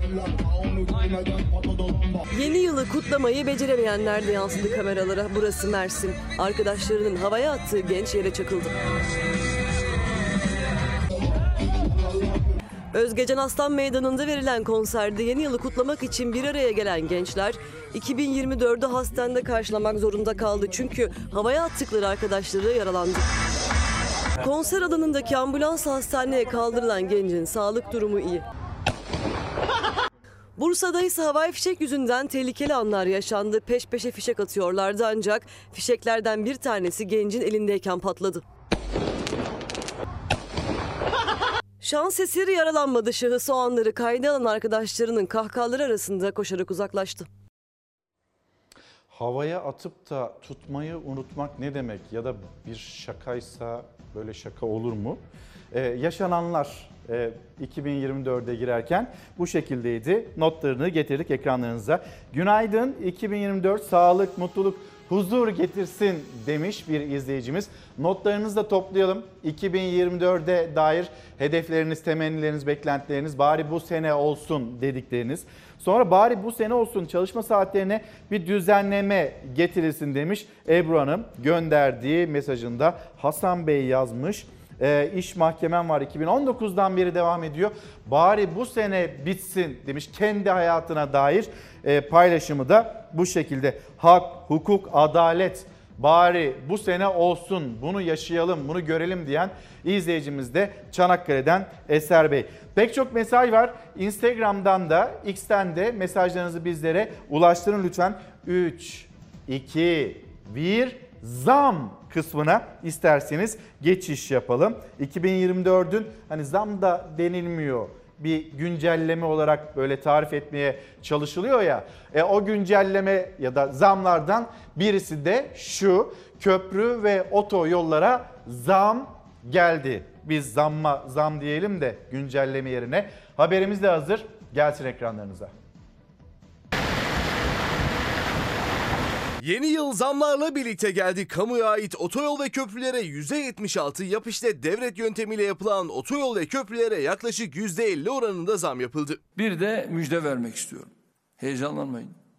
Otoyol ve köprü hizmetlerinin fiyatlarında yıl boyu herhangi bir artışa gidilmeyecek. Ekim ayında yapılacağı açıklanan ardından iptal edilen zamlar ocağa bırakıldı. Yeni yıla girilirken Karayolları Genel Müdürlüğü 1 Ocak itibariyle geçerli olan zamlı köprü ve otoyol geçiş fiyatlarını açıkladı. Akrep ve Yelkovan 00'ı vurduğu anda zamlı tarife devreye girdi. Karayolları Genel Müdürlüğü'nce işletilen otoyol ve boğaz köprülerinin geçiş ücretleri ortalama %76 oranında yap işlet devlet modeliyle yapılan özel şirketler tarafından işletilen otoyol ve köprü ücretleri ise ortalama %50 oranında zamlandı. Zamlı tarifeyle Çanakkale Köprüsü'nden geçiş ücreti 295 liraya, Yavuz Sultan Selim Köprüsü'nden geçiş ücreti 35 liraya, Osman Gazi'den geçiş ücreti ise 290 liraya yükseldi. Zam yapılmayacak olması müjde kategorisine girdi memleketimizde. Heyecanlanmayın. Bir müjdem var. Nedir müjde? 2023 yılında zam yapılmayacak dedi Cumhurbaşkanı. Bir de Çanakkale Köprüsü Hatırlıyorsunuz değil mi? Nasıl da bir tartışma çıkmıştı. 200 liracık denilmişti. Bir şey değil. hakikaten büyük bir öngörü. O 200 lira cık haline çok kısa bir sürede geldi ve şimdi de yaklaşık 300 lira 300 liracık pazara gittiğinizde alışveriş yapmakta zorlanacağınız hani sepetinizi çantanızı doldurmakta zorlanacağınız bir yere seviyeye geldi bu rakamlar. Peki bu nereye kadar böyle devam edecek? Sonra yazmış bir izleyicimiz Sebiha Hanım, Sebiha Köksoy diyor ki 2024'te zam olması çok geç kaldık. Çoktan geldi o zamlar. İşte bir kısmı köprü ve otoyollara geldi. Diğer kısmı harçlara, vergilere geldi. Onu biraz daha detaylandıracağız. Sevgili Ozan Bingöl anlatacak bize neye ne kadar zam geldiğini. E bir de Ankara'dayız. Yayınımızı Ankara'dan gerçekleştirirken Ankara özelinde ama Türkiye'nin geneline yayılmasına çok yakın bir tarihtir. Öyle zannediyoruz. Ankara'da ekmeğe zam geldi. Zam gelmeden zam geldi. Neye? E asgari ücretli daha maaşını almadı zamlı maaşını. Sonra gözler, kulaklar nerede? TÜİK'in açıklayacağı 3 Ocak e, 2024 tarihinde açıklayacağı enflasyon verilerinde aylık enflasyona bakılacak, yıl- yıllık enflasyona bakılacak. Bir zam oranı çıkacak memur için, emekli için. E onlar daha almadan bu zamlı paralarını, ücretlerini 1 Ocak itibariyle ekmeğe zam geldi Ankara'da. Her şeye zam geliyor. Ekmeğe de zam gelmesi normal bizce. Alıştık artık zamlara. 200 gram ekmeği 7 liradan satıyoruz. 1 Ocak itibariyle 210 gram ekmeği 8 liradan satmaya başlayacağız. Emekli aldığı 7,5 lira. Günlük 4 ekmek yese 7,5 liranın 1000 lirası ekmeğe gidecek. Özellikle dar gelirlerin doymak için sofrasından eksik etmediği ekmek 1 Ocak itibariyle Ankara'da 1 lira zamlanacak. Yeni fiyatı 8 lira olacak. Ekmek tüketiyorsunuz. 4, Ne kadar verdiniz? 28. Yarından itibaren. Bu 32 lira. Vermeden aldı zamı. Asgari ücretle tek çalışan insanım. 7,5 lira kira verelim. İki tane çocuk okutalım de gel de geçin. Ya bu zam zorunlu. Beklentimizin de çok altında kaldı açıkçası. Çünkü personel giderimizi dahi karşılayamayacak seviyede. Bizim normalde beklentimiz 9,5-10 lira civarıydı. Günde kaç ekmek tüketiyorsunuz efendim? Yaklaşık 6-7 tane tüketiyoruz. Yarından itibaren 48-50 lira vereceğiz. Ankara ili Ekmek Fiyat Tarifeleri Değerlendirme Komisyonu yeni asgari ücretin belirlenmesinin hemen ardından ekmeğe zam kararı aldı. Ekmeğin gramajı 10 gram artırılırken fiyatı da 7 liradan 8 liraya yükseltildi. Gerekçe olarak başta asgari ücret olmak üzere artan maliyetler gösterildi. En düşük un fiyatı 650 lira civarında. 250-300 liralık maya 450 liraya çıktı. Biz Türk milleti olarak ekmek yemeyi seviyoruz ama artık insanlar ekmek almakta da zorluk çekiyorlar. Halk ekmek büfelerinin önlerinde kuyruklar oluyor. Benim tanıdığım insanlar bayatlamış ekmek alıyorlar. Emekli maaşıyla geçinen ve günde 4 ekmek tüketen bir ailenin aylık ekmek masrafı 840 lira ama 1 Ocak itibariyle masrafı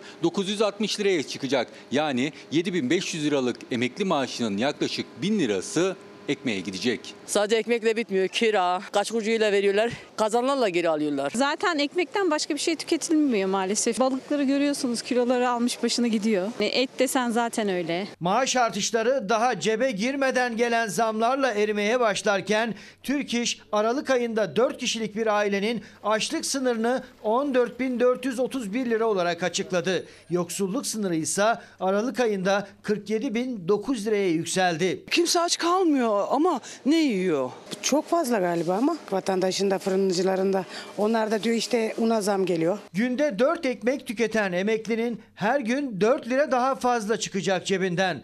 4 kişilik bir aileyi geçindiren 17 bin lirayla yaşam mücadelesi veren asgari ücretlinin de en az 1000 lirasını ekmek masrafı alıp götürecek. Fırıncı artan maliyetlerden dolayı zam zorunlu derken zaten kıt kanaat geçinmeye çalışan asgari ücretli ve emekli için 1 liralık artış bile bütçeyi sarsıyor. Ekmeğe gelen zam, bir taraftan yediğiniz yemeğe gelen zam. Zam gelmeden maalesef eridi.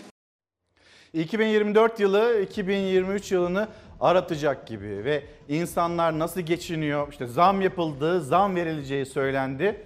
Ama kepçeyle nasıl geri alınacak o zamlar herkes her şeyin farkında. Türk İş'in verileri açıklandı. 14.430 lira açlık sınırı ve şu anda asgari ücret 17.002 lira değil ilan edildi daha alınmadı. 11.400 lira 3.000 lira daha fazla asgari e, açlık sınırının e, açlık sınırı asgari ücretten 3 bin lira daha fazla. Sonra yoksulluk sınırı 47.900 lira 50 bin liralara kadar gelmiş bir yoksulluk sınırından söz ediyoruz. Bir görüntü, bir sesleniş, bir esnaf. Bakın bu senenin ne kadar zor geçeceğini nasıl anlatıyor göreceksiniz. Sözcü gazetesi, Sözcü gazetesinin manşeti 2024 zamsız, yalansız, dolansız, depremsiz, savaşsız, adaletli, bol paralı, sağlıklı, sevgi ve barış dolu bir yıl olsun. Ve son söz artık yeter diyor.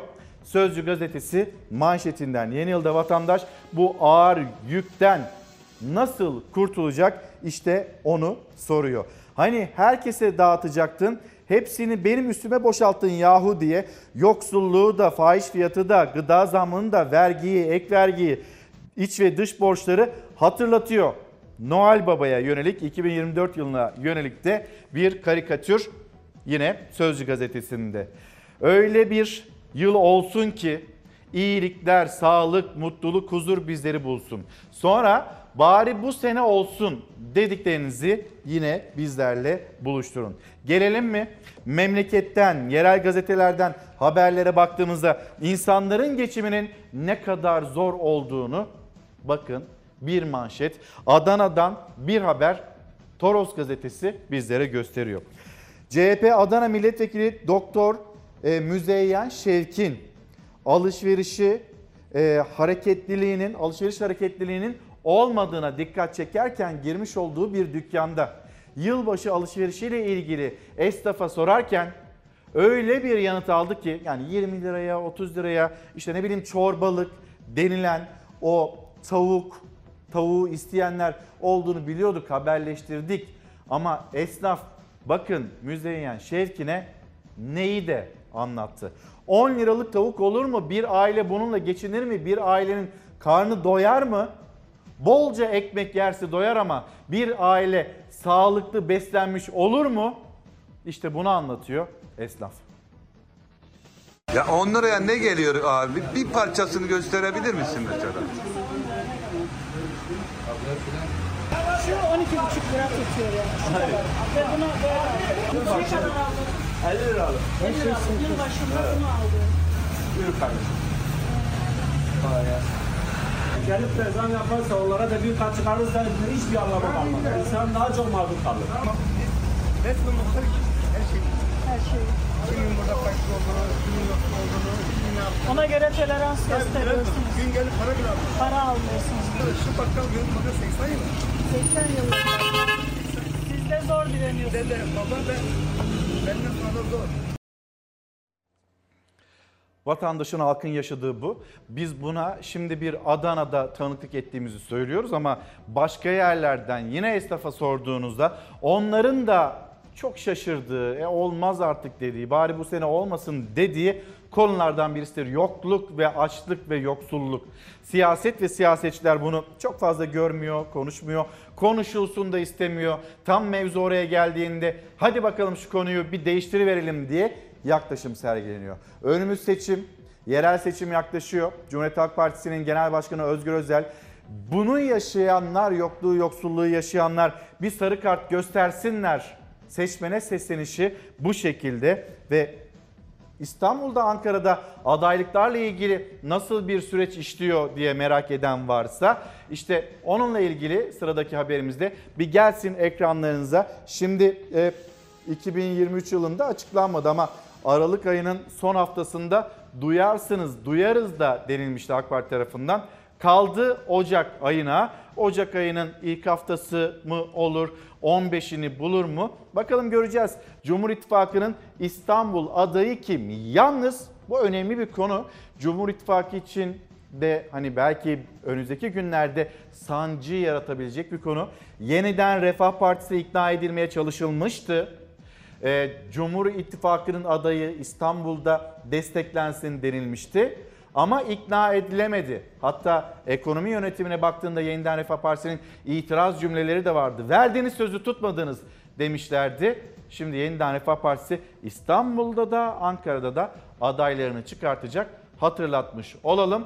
Ve Cumhur İttifakı'nın adayı acaba kim? Yeniden İstanbul'umuzu aslına rücu ettirmek için 31 Mart çok önemli.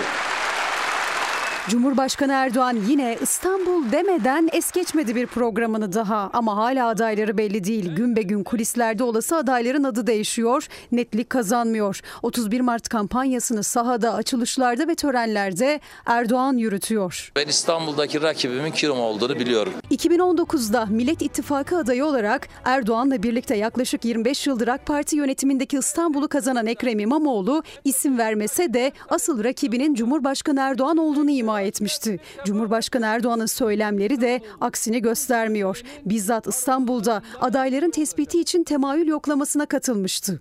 Adayın kim olacağı sorusuna karşılıksa AK Parti sözcüsü Ömer Çelik tarih vermişti. Aralık ayının sonuna kadar inşallah yetişecek bu çalışmalar. Aralık bitti. 2024 takvimi işleyecek artık ama İstanbul için adı öne çıkan isimler arasında ibre sürekli değişiyor. Cumhurbaşkanı Recep Tayyip Erdoğan ise sahada İstanbul için kararlılık mesajları veriyor. Necip Fazıl ödül törenindeki konuşmasında da 31 Mart önemli dedi. Belediye başkanlığını da yaptığı İstanbul'un 30 yıl önceki hali üzerinden İmamoğlu'nu eleştirdi. E geldiğimiz zaman çöp, çukur, çamurdu İstanbul.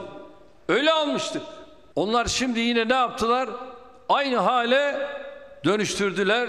Kamusal alanları işgal edenleri tek tek söküp atıyoruz. Milletin malını millete emanet ediyoruz. Yeniden İstanbul'umuzu, Türkiye'mizi aslına rücu ettirmek için 31 Mart çok önemli. Daha önce senede bir kişiye burs veriyorlardı. Bilin bakalım kim? Biz şimdi 100 bin kişiye veriyoruz. Bilin bakalım kim? İstanbul Büyükşehir Belediye Başkanı Ekrem İmamoğlu ise yeniden aday. Meydanlara çoktan indi. 2019 seçimlerinde Binali Yıldırım'ın İstanbul adaylığı 29 Aralık'ta açıklanmıştı. Bu kez aday ilanı için verilen son tarih 15 Ocak. Bu tarih aynı zamanda sembolik de bir öneme sahip. 1994 yılında Erdoğan'ın İstanbul için adaylığının açıklandığı tarih. Gençler unutmayın. Bakın bugün bir başlık atıyorum. Yeniden İstanbul. Şunu söylemeli. İstanbul, Ankara o kadar iyi yönetiliyor ki Cumhurbaşkanı olarak ben bile rakip bulamıyorum. Cumhuriyet Halk Partisi Genel Başkanı Özgür Özel de 2024 mesajında 31 Mart tarihini işaretledi. CHP'nin yönettiği şehir ve ilçelerdeki yaşam standardı üzerinden seçmene seslendi. Elbette herkes Cumhuriyet Halk Partisi'nin yönettiği şehirlere gelemez. Ama verecekleri oylarla iyi CHP belediyeciliğini kendi şehirlerine getirebilirler. Bahar getiremediğimiz illere bahar getirmeyi, güzel günleri sürdürmeyi vaat ediyoruz. Geldiğimiz zaman e, çöp, çukur, çamurdu İstanbul. Öyle almıştık. Onlara nasıl İstanbul teslim ettik ortada. Onlar şimdi ne yaptılar? Aynı hale dönüştürdüler. Yani çöp, çukur, çamur e, İstanbul'u iyi de yönetemediler diye Cumhurbaşkanı'nın cümleleri. Onun için 31 Mart çok önemli. İstanbul'umuzu aslına rücu ettirmek için 31 Mart'ın çok önemli olduğunu söylüyor Cumhurbaşkanı. Aslına rücu etmeyen, uzun süredir aslına e, dönemeyen pek çok konu var aslında memleketimizde. Özellikle ekonomide bundan bahseden yok. İstanbul'da söylenildiği gibi e, çöp, çukur, çamur halde midir İstanbul? 1994 yılıyla 2024 yılı kıyaslandığında belki sizler çok daha net söyleyeceksinizdir. Ama yeniden İstanbul parolası 94'ü anlatma 2024 üzerinden e, işte kendi adayları o da belli değil. Bir oy istenecek ama kime oy isteniyor? Ben rakibimi biliyorum demişti hatırlıyorsunuz değil mi Ekrem İmamoğlu? Ortada bir rakip yok mesela şu anda öne çıkmış olan ama ben rakibimi biliyorum. Zaten benim rakibim e, Cumhurbaşkanı Erdoğan e, mesajında vermişti. Aslına rücu edecek derken hani önceki dönemlerde insanlara verilen burslar bir kişiye milyonlarca verilen burslardan söz edilmiyordur inşallah. Yani böyle bir asla rücu etmekten bahsedilmiyordur. Şimdi insanlar, gençler ve çocuklar evlerine gelen sütler, gençlere verilen burslar, bir kişi yerine 100 bin kişiye verilen burslardan söz ediyoruz biz de diyor Ekrem İmamoğlu. Peki gelelim yine ekonomiden devam edeceğiz. Bari bu sene olsun dediğimiz konulardan birisiydi. Üzerimizdeki vergi yükü bir kalkar mı acaba diye biz umduk olmadı. Doktor Ozan Bingöl vergi uzmanı anlatacak üzerimizdeki daha da ağırlaşarak devam eden o vergileri. Gelir vergisinin ilk dilimi 110 bin lira olarak belirlendi. E, resmi gazetede yayınlandı. E, dönüp baktığımızda şayet 2000 yılından bugüne kuruşu kuruşuna gelir vergisi dilimleri yeniden değerleme oranında arttırılsaydı zaten ilk dilim 2024 yılında 110 bin lira değil 288 bin 571 lira olacaktı. Cumhurbaşkanının burada da %50'ye kadar arttırma yetkisi vardı ancak yetkisini kullanmadı ki zaten gelir vergisi dilimlerinde uzun yıllardır herhangi bir yetki kullanılmıyor. Birkaç gün önce şans oyunları vergisi yani Temmuz'da arttırılan şans oyunları vergisi oranları daha birkaç gün önce yani 6 ay dolmadan tekrar yarı yarıya düşürüldü. Bunu bir gecede akıllarına getirenler, daha 6 ay dolmadan şans oyunları vergisini tekrar yarı yarıya düşürenler, yıllardır gelir vergisi tarife dilimlerinin eksik güncellenmesi, yeniden değerleme oranında kuruşu kuruşuna arttırılmaması nedeniyle gizli gizli vergi zammı yapılan, dilim dilim lokması alınan milyonlarca çalışanın sesine kulak tıkadılar. Sözün bittiği yerdeyiz artık. Lokma lokma eksiliyoruz. İşte Doktor Ozan Bingöl ve anlattıkları da bu şekilde. Gazetelerde de var. 2023 yılının nasıl geçtiğini, o önemli olaylarını anlatırken diğer taraftan hiçbir şekilde gelen zamları anlatmayan, paylaşmayan yazılar bulunuyor. Mesela işte iktidara yakın duran gazeteler o olacak, bu olacak, sıçrayışı siz 2024'te görün cümleleri var. E sabahın köründeki sıçrayışlar ne olacak? Fiyatlardaki etiketlerdeki sıçrayışlar ne olacak? Ondan tek satır söz edilmiyor. İlk sayfada söz edilmiyor. Allah bilsin belki ilk sayfalarda vardır da onun da bir kıymeti yok aslında. Gazeteyi satmak için değil. E biz de gördük, görmedik değil. E ilk sayfada vermedik ama 28. sayfaya koyu verdik diye yaklaşım sergileniyor belli ki. Şimdi yine devam edelim. E, dünyaya bakalım. Dünyadaki kutlamalar, e, memlekete baktık.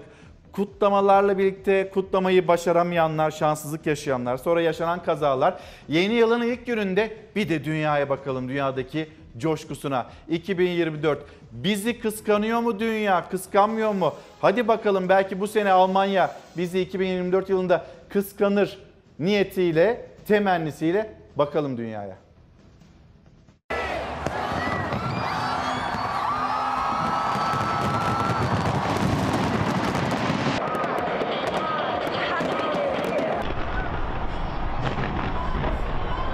Yüz binlerce kişi meydanlara akın etti. Lazer ve havai fişek gösterileri eşliğinde yeni yılı coşkuyla kutladı. Dünya ülkelerinin büyük çoğunluğu 2024'e girdi. Dünyanın bir kısmı yeni yıla girerken bir kısmı heyecanlı bekleyiş içinde 2024'de ilk giren Pasifik ada ülkeleri oldu. Daha sonra Yeni Zelanda yeni yıla merhaba dedi. Coşkulu kutlamaların adresi Auckland şehriydi. Binlerce kişi havai fişek gösterileriyle yeni yılı kutladı. Yeni Zelanda'dan 2 saat sonra Avustralya yeni yılı karşıladı. Sydney limanındaki havai fişek gösterisi için 1 milyonu aşkın kişi sahili doldurdu.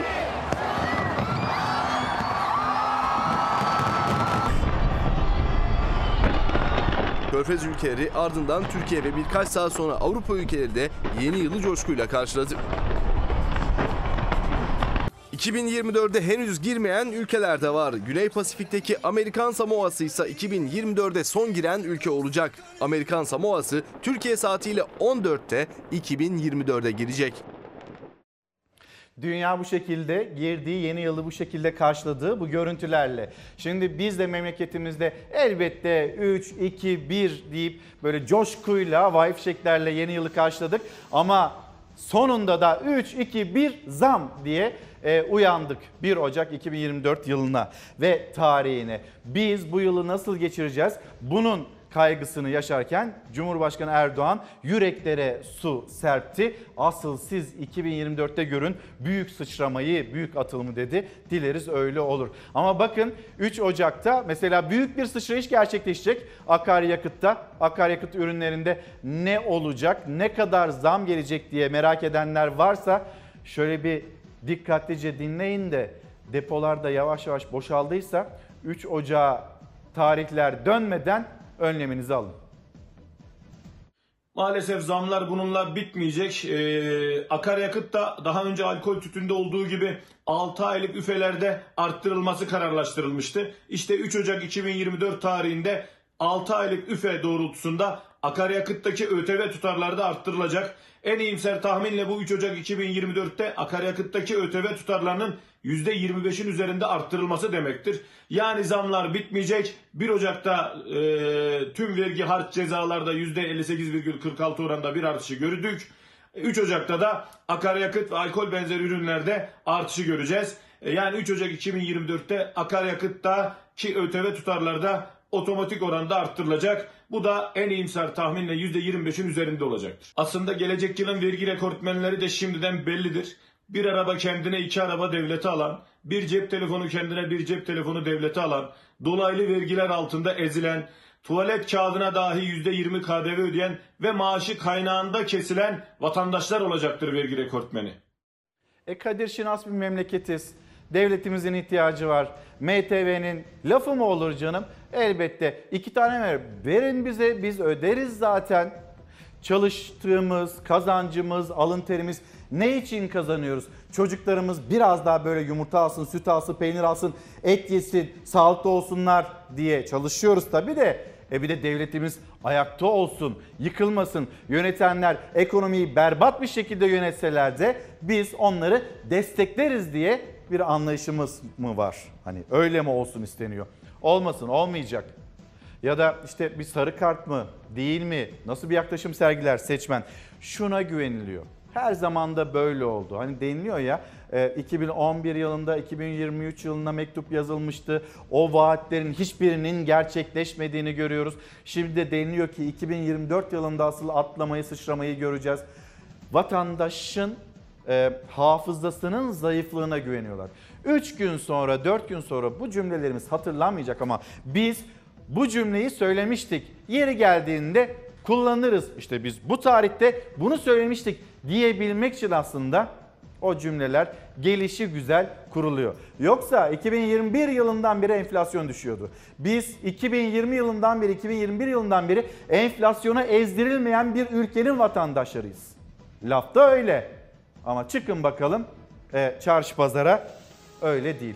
Bakın mesela Güneydoğu Express gazetesi ve yumurta kabına sığmayacak önümüzdeki günlerde de yumurtaya zam gelmeye devam edecek yerel gazetelere baktığımızda karşımıza çıkan haberlerden birisi bu. Çiftçiler zor durumda günlük gazetesi ve onun e, ön plana çıkarttığı haber. Sonra Batman'a gittiğimizde Batman Çağdaş gazetesi çiftçi traktör alamıyor.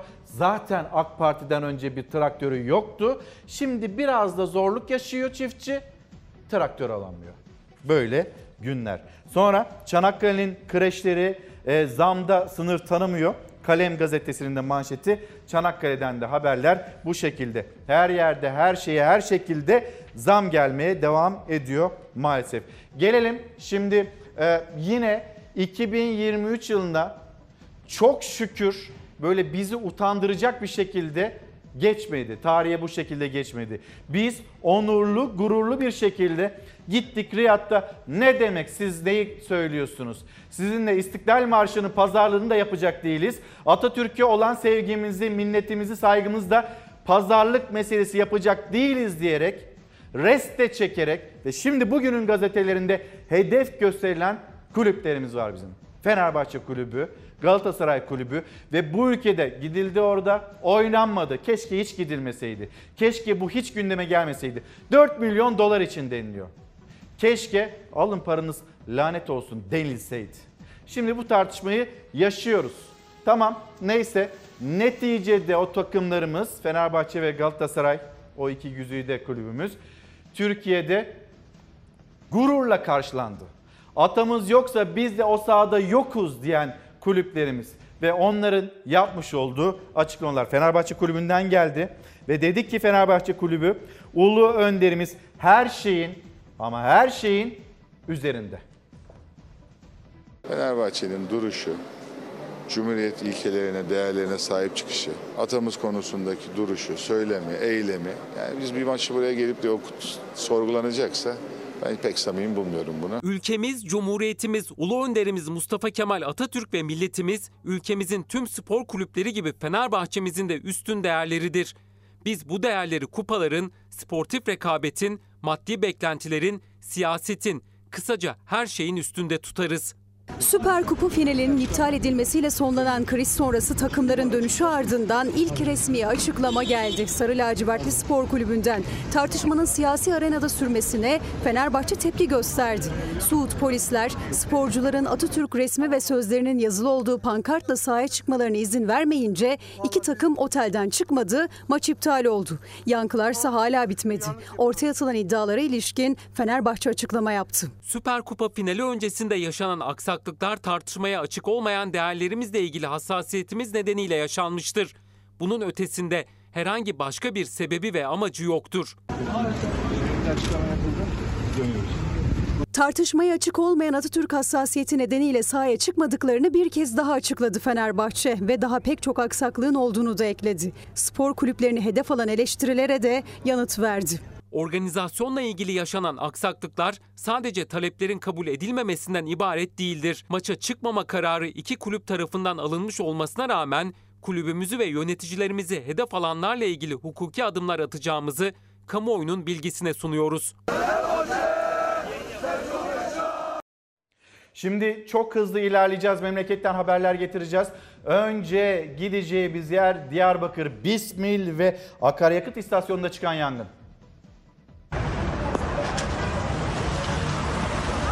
Otomobili yakıt dolduruyorlardı. Aracın deposu bir anda parladı. Pompayı çektikleri anda alevler istasyona yayıldı. Diyarbakır'ın Bismil ilçesinde facianın eşiğinden dönüldü. Otomobilin deposunda çıkan yangın yakıt deposuna da sıçradı. Alevler her yeri sardı. Ulutürk mahallesinde bulunan akaryakıt istasyonunda çıkan yangın güvenlik kamerasına yansıdı. Alevler bir anda büyüdü. Patlama ihtimaliyle korku dolu anlar yaşandı. Artık yok ya. Korkulan olmadı. İstasyon çalışanları yangın söndürme tüpleriyle alevlere müdahale etti. İstasyonda ciddi maddi hasar meydana geldi. Şimdi Bursa'dayız ve bir gasp anı.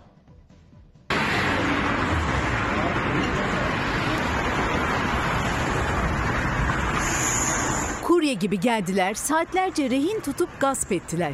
Bursa'da yemek siparişi getiren kurye gibi davranıp siteye girdi iki zanlı. Daha önceden internet arızasını gidermek bahanesiyle geldikleri eve girdiler. 60 yaşındaki ev sahibinin ellerini ve ayaklarını bağlayıp 20 bin dolar ve 15 bin lirayı çaldılar. Bursa'nın Osman Gazi ilçesinde biri 21, diğeri 24 yaşında iki kişi bir sitede önce keşif yaptı. 60 yaşındaki bir kişinin dairesine internet arızası gidermek bahanesiyle girmişlerdi. Evi inceleyen zanlılar bu kez yemek siparişi getirdiklerini söyleyerek girdiler siteye. 60 yaşındaki ev sahibiydi hedeflerindeki. Ev sahibi sipariş vermediğini söyledi ama kapıyı da açtı. Daha sonra kapıyı kapatmaya çalıştı ama hiç açmaması gereken kapıyı bir kez açmıştı. Ve iki gaspçı kapıyı kapatmasına engel olarak zorla içeriye girdi. Yaşlı ev sahibinin ellerini ve ayaklarını bağlayıp evi didik didik aradılar. Çaldıkları 20 bin dolar ve 15 bin lirayla kaçtılar. Ancak atladıkları önemli bir detay vardı. Güvenlik kameraları saniye saniye görüntülüyordu onları. Polis iki gaspçıyı kısa sürede yakalayıp gözaltına aldı. Üzerlerinden çaldıkları paranın tamamı değil, bir telefon 5000 dolar 700 lira çıktı. Ellerini ayaklarını bağladınız mı? Bağladık. Ve yeni yılın ilk cezaları kesildi.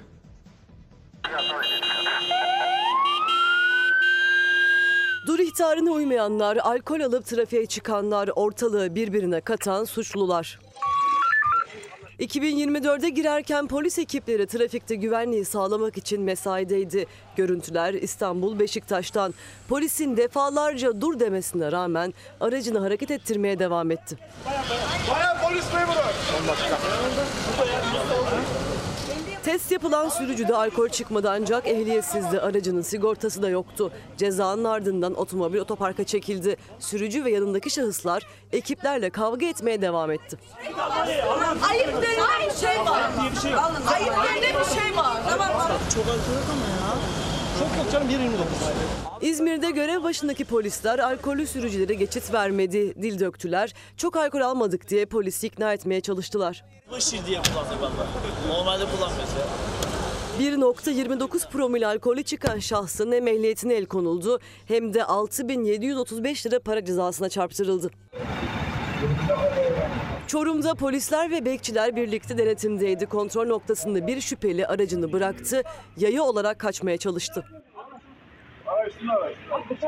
Kısa süren kovalamacanın ardından yakalanan şüphelinin üzerinde kesici alet ve uyuşturucu çıktı. Alkollü olduğu tespit edilen şahsa yeni yılın rekor cezası kesildi. 32 bin lira cezaya çarptırıldı. Yeni yılda yola çıkanlar için İstanbul sokakları, caddeleri pişmanlığa dönüştü. Birçok noktada trafik kilitlendi. Sürücüler isyan etti. Bir buçuk saat oldu. Beşiktaş'tan buraya bir buçuk saat. Bu kadar trafik olamaz ya bence. Akbelen'den, İkizköylülerden mesaj var. 2023'te canımızdan can gitse de kolumuzu bacağımızı kesseler de Akbelen'i yıksalar da yangın yerine çevirseler de biz bu topraklardan da Akbelen'den de vazgeçmiyoruz.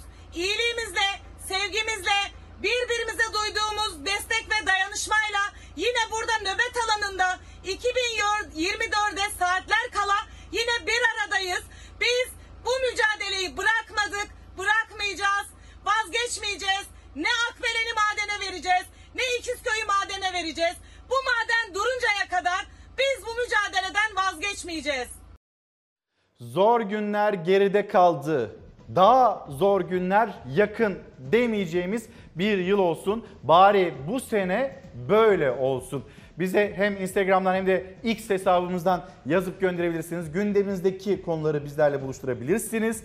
Ve 2024 yılı bakın hangi şok sürprizlerle geliyor. Vergiler cezalarla geliyor. O haber.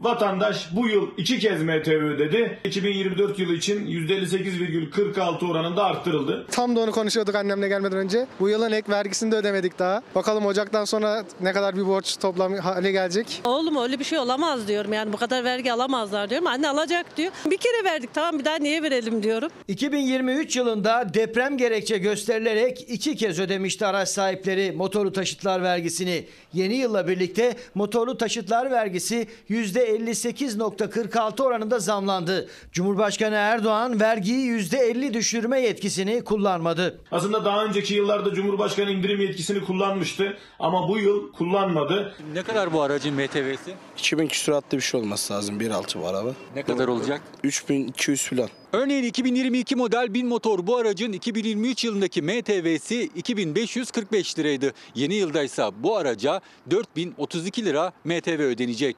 Muayenede muayeneyi ödüyorum gideceğim zaman. 2023 yılında 1479 lira motorlu taşıtlar vergisi olan bir aracın 2024 yılı vergisi 2343 lira, 3323 lira motorlu taşıtlar vergisi olan bir aracın 2024 yılı vergisi ise 5265 lira olacak. Sıfır model bir aracın en düşük vergisi 4032 liradan başlarken bu rakam 160.285 liraya kadar çıkıyor. Asgari ücrete gelen zam mı yani misliyle geri almaya çalışacaklar yine. Bizim cebimize giren bir zam olmayacak. 2023 yılı başında 6091 lira olan yurt dışından getirilen cep telefonlarındaki harç tutarı zaten 2023 Temmuz'unda 20 bin liraya yükseltilmişti. Şimdi yeniden değerleme oranı kadar bir daha arttırılıyor. 2022 yılının sonunda yurt dışından getirilen bir telefon için kayıt ücreti 2732 liraydı. 1 Ocak itibariyle bu rakam 31.692 liraya yükseliyor. Bazı telefonların ücretinden daha fazla bir kayıt ücreti çıkıyor. Yeniden değerleme oranı ile birlikte pasaporttan ehliyet ve kimliklere,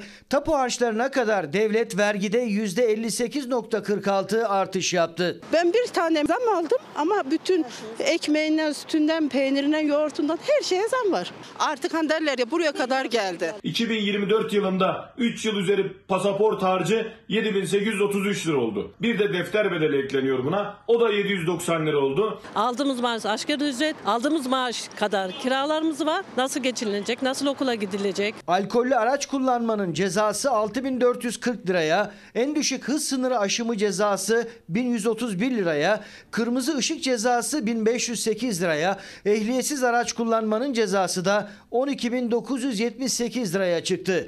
Vatandaş 2024 yılında vergilerin, zamların altından nasıl kalkarız hesabı yaparken Hazine ve Maliye Bakanı Mehmet Şimşek 2024 yılı için enflasyonun düşüşe geçeceği, büyümenin olduğu müreffeh bir Türkiye olacak mesajı verdi. Ve 2024'te dikkatle takip edilecek dava dosyalarından birisi Polatlara ait olan o dosya. Dilan Polat zor günler geçiriyor. Ben açmaya çalışacağım. Siz kapalı tutmaya çalışın. Peki. Lütfen beni kendinize doğru çekin. Ama arkadaşlar inanın taş olsa çatlar, demir olsa eğrir. Dayanamıyorum. Kara para aklama suçlamasıyla cezaevinde tutulan Dilan Polat, ruh sağlığı ve sinir hastalıkları hastanesine götürüldü. Yaşadığı zor günleri ilaçlarla atlatmaya çalışan fenomen, tetkiklerin ardından tekrar cezaevine getirildi.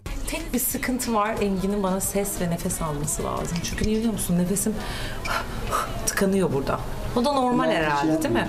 Enerji. Bol paralı paylaşımlarıyla dikkatleri üzerine çeken Dilan ve Engin Polat çifti haklarındaki kara para aklama ve vergi kaçırma suçlamalarıyla 5 Kasım'da 12 kişiyle birlikte tutuklanmıştı. İstanbul Silivri'deki Marmara Kapalı Cezaevinde Dilan Polat yemek yemediği ve ilaçlarla ayakta kaldığı öğrenilen Polat cezaevinden gönderdiği mektuplarda da sağlık durumuna dikkat çekmişti. Siz gelince hep iyiyim diyorum ama hiç iyi değilim. Boğuluyorum burada. Konuşurken bir anda düşüp yerde bayılan bir çocuktum. Çok zor bir hayat bu. Kolay gibi görünen benimki çok ağır bir imtihandı bana göre. Ağır travmalarım bana çok ağır yapıyor. Bu bileklerim, ayak bileklerim, el bileklerim. Annesini küçük yaşta kaybeden, babası cezaevindeyken kız kardeşiyle akrabalarının yanında büyüyen Dilan Polat, geçmişte yaşadığı güçlükleri katıldığı programlarda çok kez dile getirmişti. Şimdi o da çocuklarından ayrı ve kız kardeşiyle cezaevinde. Kendi psikolojik durumu, çocuğunun da psikolojik durumu, psikolojik raporları filan birleştirip kanaatkar olduğumuz nokta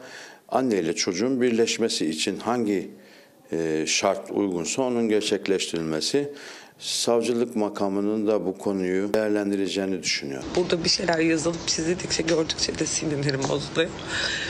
Size kocaman enerjiler gönderiyorum. Dilan Polat ve çocuklarının psikolojik durumlarını gerekçe gösteren avukatları ev hapsi talebinde bulundu ama savcılık reddetti. Avukatların yeni taleplerine de henüz yanıt yok ama bu süre zarfında Dilan Polat'ın Silivri'den Bakırköy'deki Profesör Doktor Mazhar Osman Ruh Sağlığı ve Sinir Hastalıkları Eğitim ve Araştırma Hastanesi'ne götürüldüğü öğrenildi. 2019 yılından bu yana antidepresan ilaçlar kullandığı öğrenilen Polat'ın ilaçları bitince yenilerini talep ettiği ortaya çıktı. Cezaevi yönetimi doktor kontrolüne gönderdi. Zaten çıldırdım. Bir an böyle hani gözüme perde indi böyle. Çok net perde indi. Ruh Sağlığı ve Sinir Hastalıkları Hastanesi'ndeki tetkiklerin ardından Dilan Polat tekrar yaklaşık iki aydır tutuklu kaldığı cezaevine götürüldü. Akıl, akıl, akıl. insanda akıl. Dilan Polat burada. Bak şimdi tükürmüyorum. Tüm anlattıklarımıza, tüm yaşadıklarımıza rağmen sanat güneşimiz Zeki Müren diyor ki gülünüz. ülkemiz için, milletimiz için, tüm dünya insanları için en güzel olayları getirsin inşallah. Yeni yılda hepinize sıhhat, mutluluk ve başarılar diliyorum efendim. Her şey gönlünüzce olsun, her şey dilediğinizce olsun, her şey her zamankinden daha yüce olsun efendim. Çok değerli sanat arkadaşlarım adına ve kendi adıma hepinize en engin sevgilerimi, en derin saygılarımı sunuyorum. Lütfen kabul buyurunuz efendim. Gülünüz, siz de gülünüz, sizler de gülünüz. Lütfen gülünüz, gülelim. Yeni yıla girdik, neşeyle girelim, kıvançla girelim, huzurla girelim. Gülelim. Günaydın bir kez daha Çalar Saati noktalayacağız. Yeni yılın ilk yayını gerçekleştirdik. E biliyorsunuz böyle kitaplarımız var. Onları da programımızın sonunda, Çalar Saat'in sonunda gösteriyoruz, paylaşıyoruz sizlerle. Dosyalar arasında 40 yıl e, Kubilay Taşdemir Yargıtay Onursal Üyesi ve kendisinin kitabı. Sonra konu esasen kendini bulmak, kendini anlatmaktan geçer. Elif Mustafaoğlu'nun kitabı şöyle göstermiş olayım. Sonra kanserle savaşta kontrol sizde. Risklerinizi azaltın. Doktor İlyas Şahin'in çalışması bu şekilde göstereyim. Sonra Nusret Nurdan Eren bir ekol ve huzur içinde uyusun. Kendisinin de fotoğraflar dizisi işte burada bizimle paylaşılmış. Şöyle göstereyim fotoğraflarını. Efendim kapatırken her zamanki bir teşekkürlerimiz sizlere. Bizi izlediğiniz için teşekkür ederiz. Yarın sabah saatler 8'i gösterdiğinde biz yeniden burada olacağız. Yani ekranlarınızda olacağız. Lütfen sizler de gelin buyurun yeni bir yıl başlıyor. O yeni yıl bizlere neler getirecek gündemimizde neler var? Buyurun konuşalım isteriz yarın sabahta ve her gün olduğu gibi çalar saatte. Hoşçakalın güzel bir gün, güzel bir hafta, güzel bir ay ve güzel bir yıl, sene olsun hepimiz için.